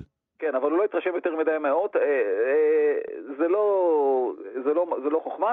הצל ממילא, ממילא מתקדם אה, עשר מעלות, הוא רוצה אות אמיתי, שים לב מה חזקיהו אומר. ויאמר חזקיהו, יחזקיהו, נקל לצאת, נקל לצאת, לצל, לנטות עשר מעלות. לא, כי ישוב הצל אחורנית עשר מעלות. עכשיו חזקיהו ביקש שהצל לא יתקדם, אלא ייסוג לאחור עשר מעלות, זה הנס. Mm. זה מרשים, זה באמת אות אמיתי. הוא ביקש בעצם שהשמש תעצור, תיקח רוורס כמה דקות עד שהצל יחזור עשר מעלות, ואז תמשיך כרגיל. אני רוצה, אני, רוצה, אני, אני רוצה לשאול אותך ברשותך עוד דבר. הזכרת שיש לנו מקורות גם במלכים אה, וגם בשמואל. אה, בישעיהו. אה, בישעיהו, סליחה. האם זה נכון, מה שמיוחד בתלמוד הבבלי לחזקיה, שהוא אמר, את, אפילו חרב חדה מונחת על צווארו של אדם, אל ימנע עצמו מן הרחמים? זה נכון? זה קשור אליו באמת? זה, זה, זה מסורת של חז"ל, זה לא מופיע בתנ"ך. אוקיי. אז אה, מי שמשתמש בפסוק הזה, אילן אומר, לא. אוקיי. לא אפשר, אבל זה לא מהתנ"ך, לא אמרתי, לא, לא אה, מהתנ"ך. אוקיי, בסדר. כן. עכשיו, שים לב מה קרה, ויקרא ישעיהו הנביא לאדוני, וישב את הצל במעלות אשר ירדה במעלות אחז, אחורנית עשר מעלות, הצל חזר אחורה עשר מעלות, וחזקיהו האמין סוף סוף שעוד שלושה ימים הוא יעלה בית אדוני. עכשיו, הסיפור הזה מרתק מכמה וכמה בחינות. קודם כל נזכר פה מבנה הקרוי מעלות אחז. אחז זה אבא של חזקיהו, מפה אנחנו מבינים שבימיו נבנו מדרגות, לא ברור היכן היו, אבל בהמשך הספר, ספר מלכים נזכרת עליית אחז במקדש, כפי הנראה מדובר באותו מקום. ודבר שני, הוא מרתק לא פחות, יש פה עדות לשעון שמש בימי בית ראשון. אתה יודע, אנחנו יודעים מעט מאוד על תפיסת הזמן שלהם. עכשיו, אתה יודע, יום וחודש הם מושגים אינטואיטיביים. יום, אתה יודע, מזריחה עד זריחה, וממולד עד מולד ירח, זה יום וחודש. גם שנת ירח זה משהו די אינטואיטיבי, אתה סופר 12 פעמים שהירח נולד, ויש לך שנה. לעומת זאת, שנת שמש היא לא אינטואיטיבית, אין לך סימן בולט שאומר לך שעברה שנה, אתה צריך לספור. גם שעה זה לא מושג אינטואיטיבי, אם אין לך מכשיר, אתה לא יודע מתי עברה שעה או מתי עברה דקה. נכון, נכון, עם ניסיון החיים שלך, אתה יכול רק להעריך, אבל אני מאוד מציע לך לא להגיע לרכבת או למטוס על סמך הערכה. עכשיו, וברור לך שהיו להם מכשירים שעזרו להם, בטח ובטח אם אתה רוצה להתאים את שנת הירח לשנת השמש, כלומר עיבור השנה, והנה אגב, כבדך אגב, קיבלנו הצצה אל שעון השמש ששימש את אבותינו. אמנם נכון שהשעה בקיץ והשעה בחורף אינה אותה שעה, אבל אה, בגלל אורחם, אבל זה נותן לנו בהחלט מושג לא רע איך הם תעשו את הזמן בימי קדם. עכשיו, אה, אה, אותן מעלות אחז שהזכרת, כן. אנחנו יודעים באמת שם היה את, את אותו מבנה? אנחנו יודעים את אותו שעון כמו שאנחנו מציגים אותו? אנחנו יודעים את זה רק מהמקורות הספרותיים, ועד עד שלא יחפרו ב- באזור בית המקדש, אנחנו לא נגלה, וגם אם נחפור באזור הר הבית, אני בספק אם נמצא משהו, כי הבנייה של הורדוס הרסה כנראה את כל מה שמתחת. כלומר, הבנים של הורדוס ירדו יפה עד סלע, ה- עד סלע האם, וכל מה שקדם להם כמעט הם כיסחו. הורדוס הוא גדול הבנים בארץ ישראל, אבל גם גם גדול ההורסים. כן. הוא, הוא היה הראשון שעשה תמ"א. הוא פשוט בא, אמר, נפנה הכל ונעשה מחדש. ממש ככה, בייחוד המ- המתחם המדהים שהוא בנה בהר הבית זה פינוי-בינוי כהגדרתו, כמילולית. מה, מה שנקרא, האיש היה אדריכל עוד, אה, אדריכל שיפוצי בניינים, הוא יכול לעשות היום הרבה הוא שילוב דברים. של אדריכל, מהנדס ובולדוזר, שזה הכי חשוב, כי הוא גם מזיז דברים. תגיד עכשיו, אה, אה, איך אנחנו זוכרים אותו? איך, אה, איך נזכור את חזקיהו? לטובה? אה, די לטובה, למרות שבאופן כללי, כ... התנ"ך זוכר אותו טובה, ולכן אנחנו זוכרים אותו. כמלך הוא היה מלך די כושל, כי הוא הביא אסון איום ונורא על ארץ יהודה, אבל מכיוון שהוא הוא ריכז את הפולחן ו- ועבד את אדוני ולא עבד את האלילים, אז, אז תופסים אותו כמלך חיובי בסך הכל. למרות שכמלך בפועל לא היית רוצה שהוא ינהל לך את המדינה ואפילו לא את ועד הבית. שמע, אבל אפילו נותרה לנו תפילת חזקיהו, אתה יודע, שאנשים, אה, מה שנקרא, לוקחים כסגולה לרפואה מה, מהסיפור ש, שסיפרת לנו כאן עכשיו. כן, כן, כן. תשמע, כמו כל דמות הוא דמות מורכבת, יש בו דברים טובים, יש בו דברים רעים. התנ"ך זוכר אותו לטובה, וזה מה שחשוב. באחת משיחותינו בעבר, אתה אמרת לי שהרבה פעמים חשוב מי סיפר את הסיפור, ומאחר והחבר'ה של יהודה סיפרו אותו, אז החברים שם אה, קיבלו, אה, מה שנקרא, שיפוצים ביוגרפיים. חד משמעית. חד משמעית, לא חשוב מה כתוב, חשוב מי מספר עליך. יפה. אז הנה, במקרה הזה אמ, חשוב מי מספר לנו, מי שמספר לנו זהו דוקטור אילן אבקסיס, אה, שדרן להזכיר דברי הימים על המקרא במזרח הקדום, שכאן אנחנו שמחים בכל פעם ליהנות אה, מן האינפורמציה שאתה מביא לנו. אילן, תודה רבה, ומעכשיו אה, נזכור כולנו שגם חזקיה ידע מה עושים עם דבלים מלבד לאכול אותם. תודה רבה, אילן. תודה לך ולמאזינים.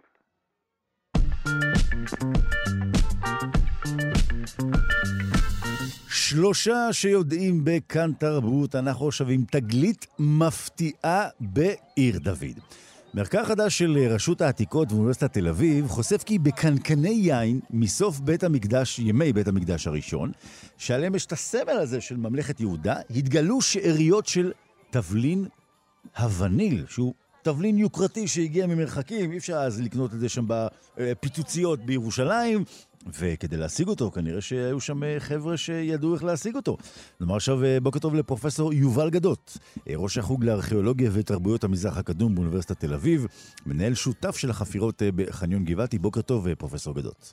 בוקר טוב, באמת מפתיע, ניחוח של וניל. זהו, אז אמ, קודם כל, מאיפה הגיע וניל שם לעינות בירושלים? איך הם השיגו אותו בכלל?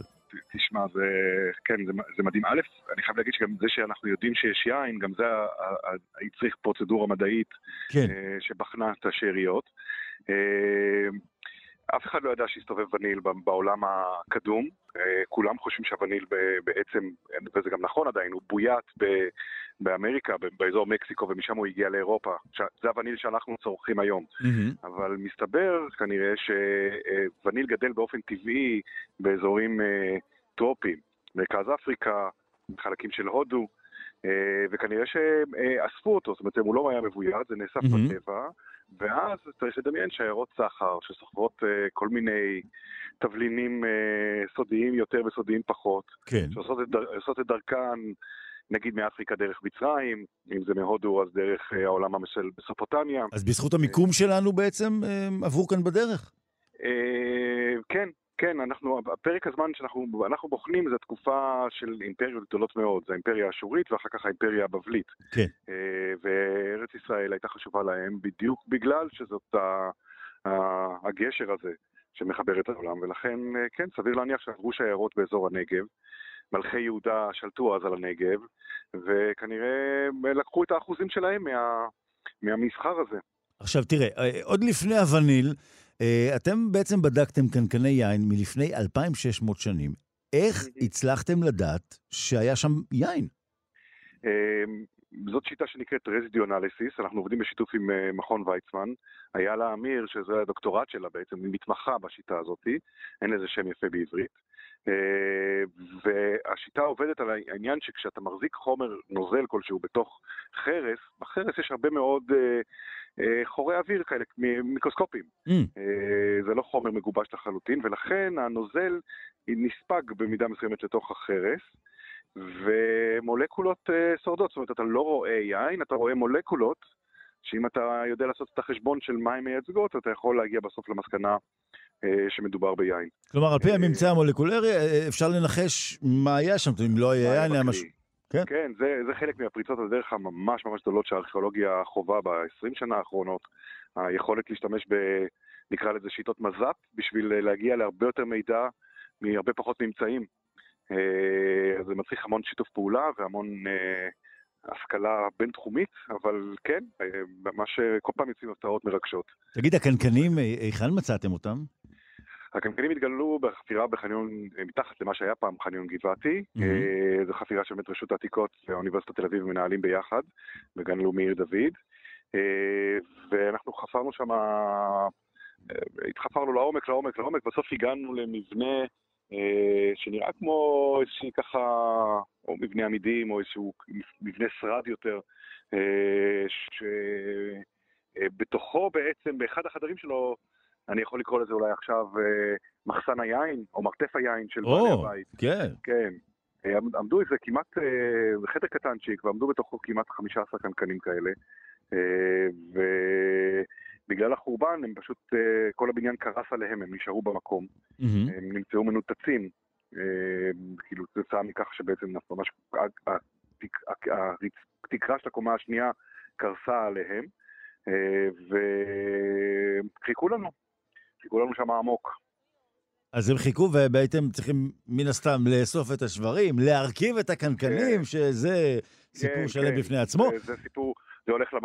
יש, זה נקרא רפאות של כלי חרס, זה הולך למעבדה, ובעצם אפילו מסתובב ביוטיוב איזה סרטון כזה שהסרטנו איך, בונ... איך הרפאית בנתה את הקנקן. מהשברים עד זה שהוא עמד שלם. אני, אני אגב, אני ראיתי את זה, זה מדהים. זה כמו פאזל, אבל הרבה כן. יותר מסובך, כמובן, כן. אני ממליץ אגב למאזינים לראות את זה, זה מדהים. זה כן. בהחלט. מדהים. יש, אה, הזכרתי פה גם שפתחנו את השיחה, אה, אותו סמל, מה זה הסמל הזה שקשור לממלכת יהודה, שמצאתם אותו שם על הקנקן? כן, הסמל הוא ורדה. בפרק זמן מסוים, מאה שנים עוד לפני הרגע הזה שאנחנו מדברים עליו עכשיו, סביב העניינים של מיסים וכל מיני צרכים אחרים, התפתח נוהג ביהודה, בממלכה, שבעצם הפקידים מגיעים אל בית היוצר, mm-hmm. ולפני שהקנקן שהם הזמינו נצרף, הם מחתימים על הידית שלו חותמת שמסמלת בעצם שתכולת הקנקן שייכת ל... לארמון, לבית המלוכה, mm. למערכת הזאתי. אז הקדומים ביותר בתביעות האלה, אה, כתוב עליהם למלך. זאת אומרת, זה אומר שייך למלך. כן. אה, בעברית אה, עתיקה. וזה מאה ומשהו שנים קודם לרגע של החורבן. אחר כך החותמות משתנות לאורך הזמן, ובפרק הזמן שהוא כנראה מקביל לימי יאשיהו, 630, 620, מחתימים בעצם בחותמת שהסמל עליה הוא סמל בצורת ורדה. אה, ואת הקנקנים האלה, כשהם מתגלים שלמים, בדרך כלל זה בשכבת החורבן של 586. כי אם, אם, אם אין חורבן, אז קנקן כזה יישבר mm-hmm. ואף פעם לא תדע. אבל אם, אה, אם יש חורבן, אז אנחנו מוצאים את זה. אנחנו מצאנו, ומצאו בצד שני של, אה, בחפירה בעיר דוד, בצד השני, יותר קרוב למעיין. זה כמו פרח כזה עם תשעה לכותרת, כאילו. כן, כן. זה סמל ככה ש... מגלגל אותנו קצת עוד פעם לעניינים של האינטראקציה עם האשורים. זה סרט mm-hmm. שמגיע משם באותה תקופה. עכשיו, אה, אותם אה, אה, יינות עשירים בווניל, מכך אנחנו יכולים גם להבין שמדובר במה שנקרא בשמנה ובסלטה של התקופה ההיא, נכון? זה לא פשוטי העם יכלו לקנות איזה פחית עם וניל, היית צריך להיות כן. מחובר שם על החבר'ה למעלה. לגמרי. למרות שכאילו חייב, כאילו נגיד איזה כוכבית, מצאנו אה, פעמיים, מצאו את הקנקנים האלה, ובשני הריכוזים התגלה קנקן אחד שהחזיק את היין עם הווניל, אז יכול להיות שיש יותר שמנה וסלטה לפחות, יותר ממה שאנחנו מדמיינים. Mm-hmm. אה, הבניין שיפתח שלו ואני חפרנו, הוא, הוא ממש משדר, אה, אנחנו קוראים לזה לשכה. אה, משהו שם שהתנהלו טקסים למעלה.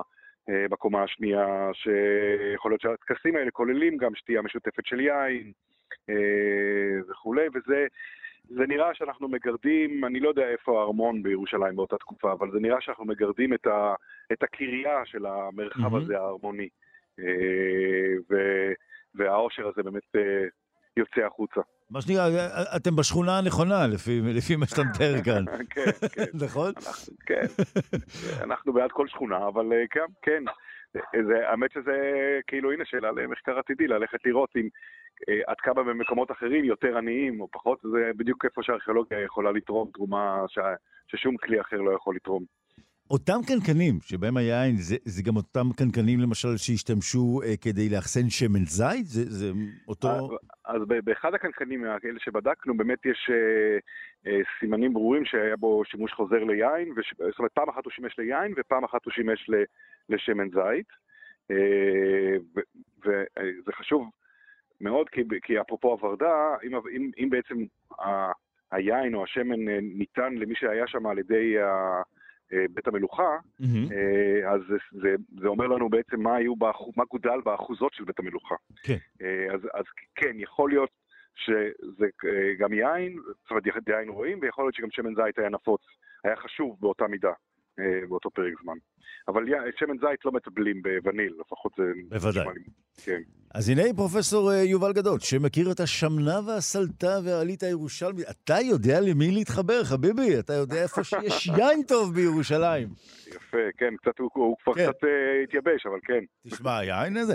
אז אם אתם רוצים המלצה איזה יין להביא לליל הסדר, אפשר לשאול את uh, פרופסור יובל גדות. בואו נזכיר, ראש החוג לארכיאולוגיה ותרבויות המזרח הקדום באוניברסיטת תל אביב, מנהל שותף של החפירות בחניון גבעתי על התגלית המפתיעה והסופר מעניינת הזו, על תבלין הווניל, אה, שם אה, בקנקני היין.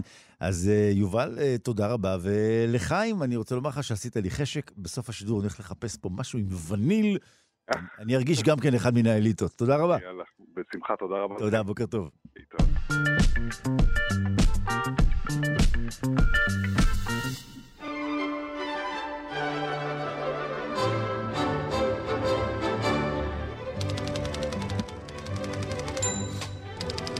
תמיד כאשר שומעים את זה, נורא לא, לא, לא, לא בא להפריע, זה כל כך נחמד. אבל אה, זה אומר שאנחנו כן עכשיו אה, אה, נפריע למקצב מכונת הכתיבה הנהדר הזה, כדי לעשות את קורס ההכנה שלנו לקראת ליל הסדר, שבו כולנו כמובן צריכים לשלוח אה, מבט אל ההגדה, ובכלל ללמוד אה, את כל הדברים החשובים, והפעם מן ההיבט הלשוני. ולפיכך נאמר שלום ללשונאית הבית שלנו, הדוקטור סמדר כהן. בוקר טוב, סמדר.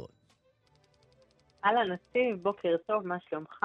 שמעי, אנחנו כבר יושבים פה עם ההגדה. מתבוננים, מדפדפים בדפים, ויש פה ככה בביטויים ניבים ופתגמים שאת יודעת, אנחנו נולדו מכאן ומה שנקרא, נתפסו אצלנו בשפה, נכון? אה, כן, זה נכון מאוד. אה, באמת חשבנו לדבר על כמה מהם, אבל, אבל בא לי להקדים במשהו שעוד שנייה לפני ההגדה, במה כן. שאמרת בסוף האייטם הקודם שלך. את האזנת אה, לשיחה אמרת... הקודמת? את מצוטטת לי. אוקיי, כן. את כבר השנייה שעושה זאת היום, כי גם בשעה הראשונה הייתה פה דוקטור אפרת גביש רגב שצוטטה לשיחות, אבל זה בסדר, כן. כן, נשים, יש להן נטייה כזאת לפעמים. אה, בקיצור, אמרת השמנה והסלטה, ורציתי אה, אה, באמת לשפוך אור רגע על הביטוי הזה, כי mm. באמת רבים אומרים השמנה והסלטה, וזה באמת הדבר הלא נכון לומר. אגב, הרבה פעמים... אה, צריך לומר שמנה וסלטה, בלי הידיעה, נכון? אפילו עוד יותר מזה, שמנה וסולטה. בעצם שמן וסולת יש כאן, השמן והסולת הם, הם הדברים כאילו הטובים, השווים, המובחרים ביותר אה, אה, שעושים מאכלים או שיכונים או משלמים איזשהו מעמד חברתי למי שיש אותו, אותם, ולכן שמנה, כמו שמן, שמני, נגיד, שמני מאכל או כזה, mm-hmm. זאת הנטייה של שמן.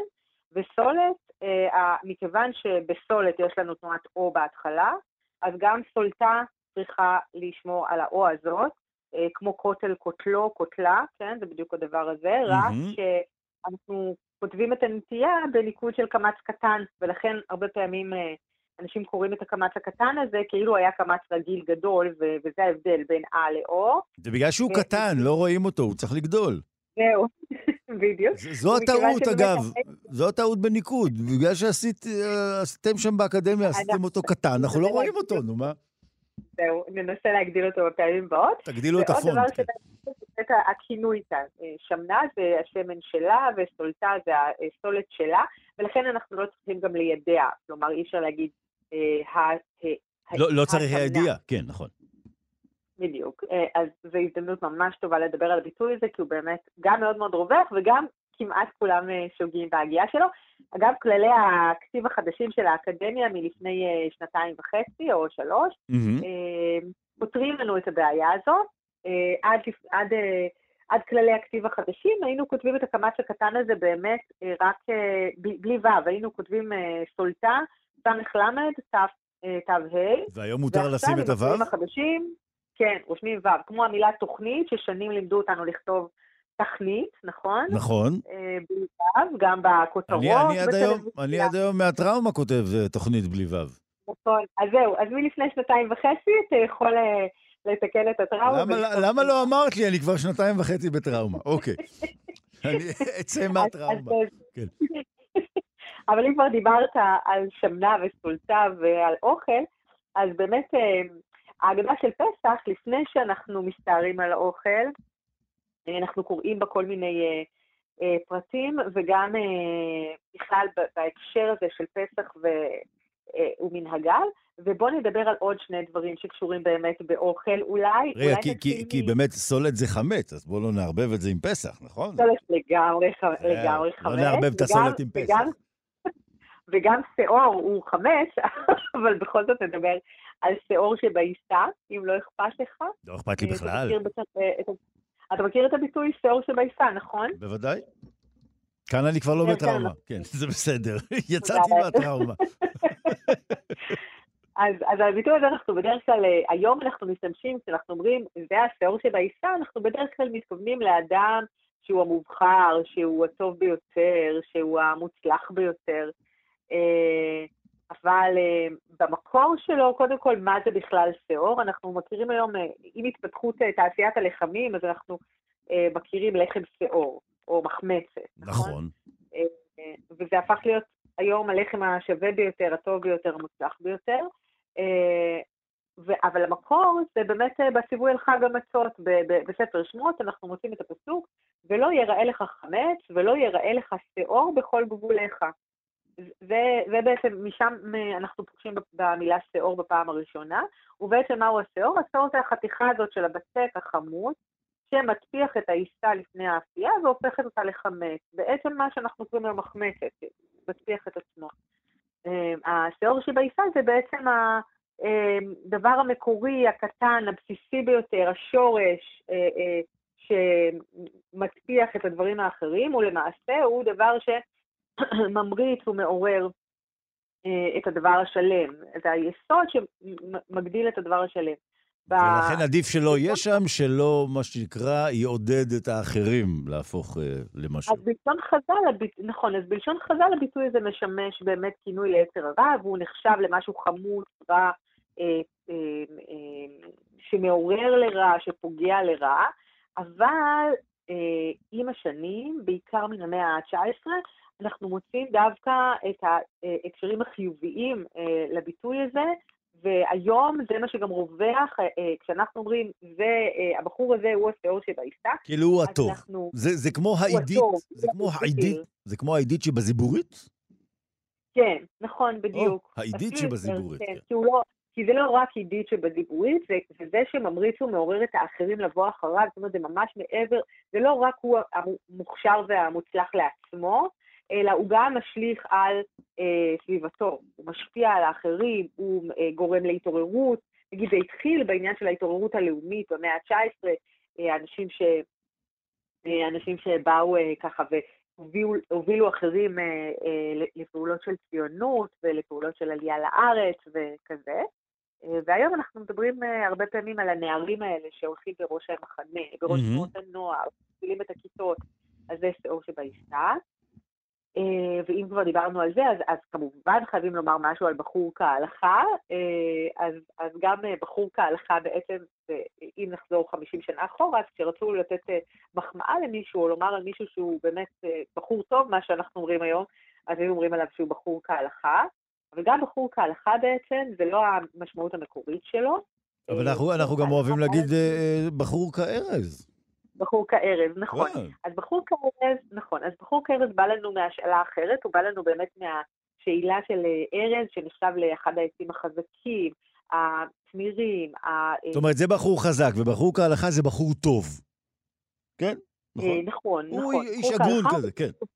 נכון, נכון כיאות, כמו שצריך, בחור כמו שצריך. אבל צריך לזכור שהמילה בחור כאן, במקור, היא לא מהבחור שאנחנו מדברים עליו, הגבר, האלם, צעיר, אלא בחור, כלומר, שבחרו אותו, שנבחר, שהוא מובחר, שהוא טוב. כלומר, מלכתחילה לא מדברים כאן על בן אדם, אלא בחור כהלכה בא לנו מפיוט שנאמר בליל הסדר, והוא פיוט שמפאר את האל. פירוט שמדבר על אלוהים, אדיר במלוכה, בחור כהלכה. כלומר, הוא אדיר, הוא גדול, הוא נהדר. את זוכרת, את, ה... את, זוכרת את המנגינה, סמדר? נשאיר פה קצת. לא, לא, סתם, סתם. לא. לא. אה, אבל באמת, מכיוון שיש לנו בעברית כאן את ההגייה הדומה, אנחנו שומעים כאן בעצם שתי מילים, יש לנו אותה משמעות, אותה, אותו צליל, גם בחור במשמעות של מובחר, כמו שאתה אוהב, כמו פנום וחבריו, כן? המשקל הזה שאם בחרו בו אז הוא בחור, אז, וגם בחור שהוא גזר, אז בעצם הייתה כאן איזושהי שאלת משמעות, ובחור כהלכה הפך לשמש לבן אדם ולא דווקא לאלוהים. אגב, באמת, הזכרת בחור כהלכה, רק בוא נזכיר, גם בהמשך אומרים חסין כהלכה, כביר נכון. כהלכה, נורא כהלכה, פודה כהלכה, רחום כהלכה, תומך כהלכה, וההמשך יהיה בליל הסדר. ולפני כן יש לנו אדיר ואדור ודגון, וזה בעצם על, על סדר האלף-בית, כפי שאנחנו מכירים גם אה, את אה, אה, פיוטי יום הכיפורים למיניהם. אנחנו מכירים את העניין הזה של פיוטים שהולכים על פי סדר האלף-בית, והמילאות הראשונה של כל שורה בהם או כל בית בהם מתחילה באות אחרת של האלף-בית מאלף עד תו. ובאמת, כפי שציינת את כל המילים הראשונות, אז כולן באמת שמות תואר לאל. אז מכאן אנחנו מבינים שהבחור הזה הוא לא בחור בן אדם, אלא, אלא בחור מובחר. הבכיר. בחור, mm-hmm. הבכיר, הנבחר, mm-hmm. המושלם. ואולי נגיד עוד משהו על גמר עליו את ההלל, כי אם אנחנו כבר כל כך בטוב, בעילית ובמובחרים, אז אנחנו בדרך כלל אומרים שאפשר לגמור עליו את ההלל, נכון? גמרו עליו את ה... והמועמד הזה לתפקיד הזה, כולם גמרו עליו את ההלל, נכון? נכון. אבל גם זה, כאן יש לנו ביטוי שאני ממש אוהבת אותו. את מה, את גמר את ההלל? את גמר את ההלל וגם את מברכים על המוגמר, כי שניהם קיבלו משמעויות ממש ממש אחרות מהמקור שלהם בעברית של ימינו. כי היום אומרים גמר, היום אומרים גמר עליו, זהו, גמר עליו, זה... זה בדיוק ההפך, גמר עליו. אצלנו גמר עליו, אבל יש גם גמר, גמרו עליו את ההלל, כשאנחנו, הרבה פעמים אנחנו מחפשים מועמדים לעבודה או משהו כזה, מקבלים המלצות, ואומרים, וואו, על זה, על המועמד הזה, כולם גמרו עליו את ההלל, כולם דיברו עליו טובות, כולם אמרו כמה הוא נהדר, מופלא ומהמם, ובעצם בהשאלה היללו אותו. אבל במקור, אנחנו מוצאים את, את גמר את ההלל, אנחנו מוצאים אותו בעצם בלשון ההגדה. הוא, כשאנחנו אומרים לגמור הלל, או לא לגמור הלל, אנחנו מדברים בדרך כלל על קריאת ההלל, שזאת מין תפילה מיוחדת שקוראים אותה בראשי חודשים ובחגים מסוימים. Mm-hmm. בפסח אנחנו קוראים את ההלל גם, אלא מה? שבפסח אנחנו קוראים את ההלל בשני חלקים.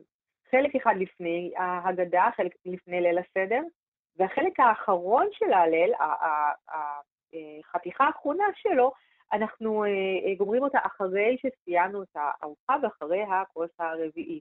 ובאמת, בהקשר של ליל הסדר, אנחנו מוצאים במשנה במסכת פסחים, רביעי גומר עליו את ההלל. נכון, נכון, נכון. אחרי שמגיעים את הכוס הרביעי, אבל... אז גומרים לומר את ההלל, שאת החלק הראשון אמרנו בבית הכנסת, בתפילה שלפני הסעודה. אבל סמדר, לצערי, אני, אני נאלץ עכשיו לגמור עלייך את ההלל, כי נגמר לנו הזמן.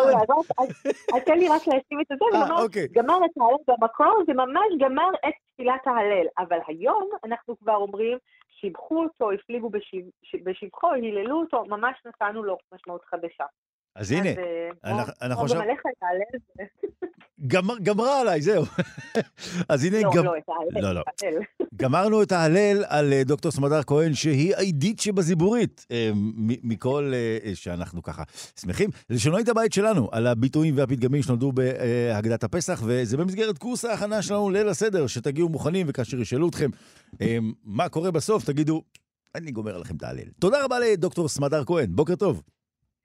להתראות, נתיב, בוקר טוב.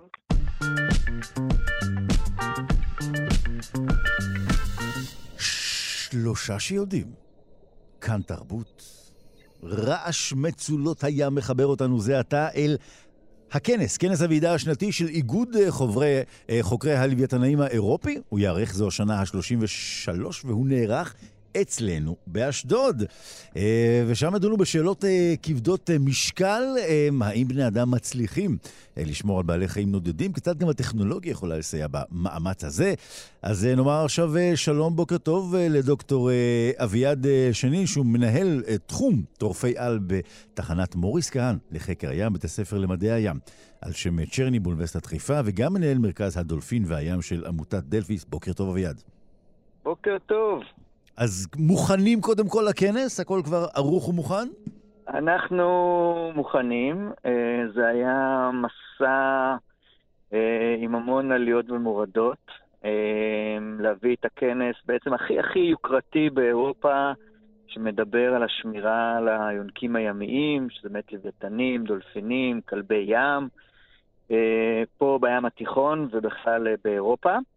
ומאוד מאוד קיווינו שנכן נוכל לארח אותו בצורה היברידית, זאת אומרת, חלק יגיעו לפה, ומי שלא יכול, בגלל כל מיני עניינים אה, יהיה מרחוק, mm-hmm. אבל אה, לצערנו, בעקבות אה, באמת הגלים השונים של זני האומניקרון למיניו באירופה, ועכשיו עם המלחמה באוקראינה וכל הסיפור הזה, אז זה כבר היה גדול על ה... אמ, על המשתתפים, ולכן הכנס יהיה אך ורק וירטואלי. אבל עדיין אצלנו כאן, עדיין אצלנו כאן באשדוד, שזה בהחלט כבוד גדול. ואני אני, אני רוצה לשאול אותך, אנחנו מדברים באמת, אה, מה שנקרא, על אה, האופן שבו אנחנו צריכים אה, לשמור על היונקים. תגיד, אנחנו, אנחנו מצליחים לעשות את זה על היונקים הימיים? אנחנו מצליחים לשמור עליהם? זו שאלה מצוינת, וזה בעצם התמה, זה הנושא של הכנס הזה. זה האם בהסתכלות על העבר, אל ההווה ואל העתיד, בעשייה שלנו המחקרית, כי זה כנס אה, אקדמי-מדעי, האם אנחנו באמת מצליחים אה, לפעול בכיוון הזה, והאם צריך אה, לעשות חשיבה מחודשת על חלק מה, מהמחקרים שאנחנו עושים אותם, אולי אפילו בצורה חצי אוטומטית, ומה היעילות שלהם? זה בהחלט אתגר עצום, כי אלה בעלי חיים שהם נודדים בים הפתוח. ולכן אתגר השמירה עליהם הוא אתגר עצום, כי זה לא, בדרך כלל זה לא מספיק לשמור על איזשהו מרחב קטן וסביבו לייצר הגנה, אלא המחשבה צריכה להיות מחשבה יותר גלובלית או אזורית במקרים מסוימים. אלו מינים בסכנת הכחדה, נכון? חלקם בסכנת כן. הכחדה חמורה וחלקם בסכנת הכחדה אה, יותר אה, אה, טובה. אבל אה, כן, זה בהחלט אתגר עצום, כי לטורפי העל האלה במערכת יש חשיבות מאוד גדולה. ומערכת אה, אקולוגית בריאה זו מערכת שיש בה את הטורפים הגדולים האלה, שדואגים לשמור עליה בריאה ונקייה, והכי חדש שאפשר להתמודד מול שינויים, שזה בעצם מה שהמרחב שלנו עובר בעקבות שינוי mm-hmm. אקלים. אנחנו כל הזמן נמצאים בשינויים, והמערכת לא מאתגרת את עצמה בשינויים שקורים בעקבות ה... אה, שינויי האקלים ובעיקר התחממות המים. אז היום בעצם, כאשר אנחנו, אה, מה שנקרא, במירב מאמצינו לשימור היונקים הימיים, מה מנחה אותנו היום, אותם דברים שכפי שאתה אומר? באמת הכוונה היא להתחיל לייצר או להשתמש או להיעזר אה, או לפתח אפילו טכנולוגיות אוטונומיות, זאת אומרת טכנולוגיות שיודעות, אחד הדברים שמקשים עלינו מאוד לעשות את המחקר בים זה העלויות המאוד גדולות והאתגר של לרדת למעמקים. Mm. ו- אה, ולעקוב אחרי הבעלי חיים האלה. אז באמת הכיוון עכשיו הוא לפתח טכנולוגיות אוטונומיות שיודעות על ידי גליידרים, על ידי רחפנים, על ידי מל"טים, על ידי כל מיני אה, רובוטים בעצם, שיודעים לנוע אה, במרחב לבד ולעקוב אחרי הבעלי חיים. זה כמובן אתגר עצום של המעקב, השליטה ועיבוד הנתונים, כי אתה אוסף כל כך הרבה נתונים, אתה צריך בסוף לדעת לסנן, אז גם עניין של בינה מלאכותית, וכל הטכנולוגיות בעצם צריך לכנס אותן אה, לטובת היכולת אה, אה, לתת לנו מידע שבעזרתו נוכל להבין איך אפשר לשמור יותר טוב על הבעלי חיים האלה בפרט, ובכלל על הים שלנו, שהוא משאב אה, שצריך לזכור, אנחנו בסוף שותים את הים שלנו וניזונים ממנו, הוא משהו שהוא הריאה שלנו, אה, אגב, יש הבדל בין האופן שבו אנחנו פועלים לשימור יונקים ימיים במזרח התיכון לבין מקומות אחרים? זה מאוד מאוד תלוי תקציב לצערי. זאת אומרת, כן. אתה רואה פערי ידע עצומים, כל מה שקורה במערב הים התיכון, כל מה שקורה באזור ארה"ב וקנדה ואוסטרליה, מדינות שיש להן משאבים להשקיע בדבר הזה, לעומת מדינות דרום הים התיכון, מזרח הים התיכון, כן, את זה אנחנו מראים אה, בהרצאת הפתיחה שלנו, באמת פערים אדירים.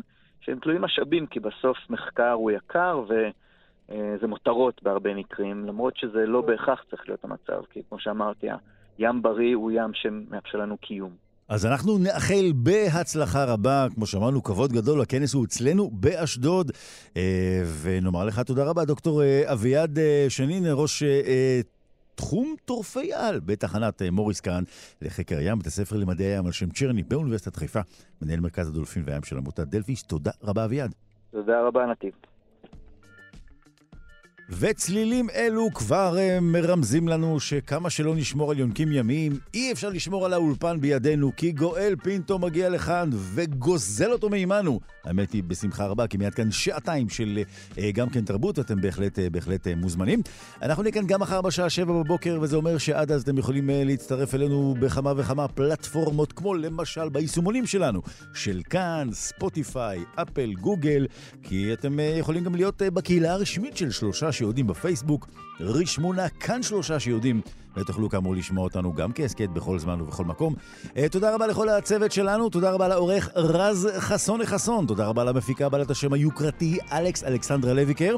היום קיבלנו שחקן חיזוק, השמאי היחיד בבית הלל הוא אבי שמאי שהיה כאן איתנו. על הביצוע הטכני זהו סופר די.ג'י אלון מקלר, כאן באולפן נתיב רובינזון. נאחל לכולכם כמובן יום טוב מלא ידע.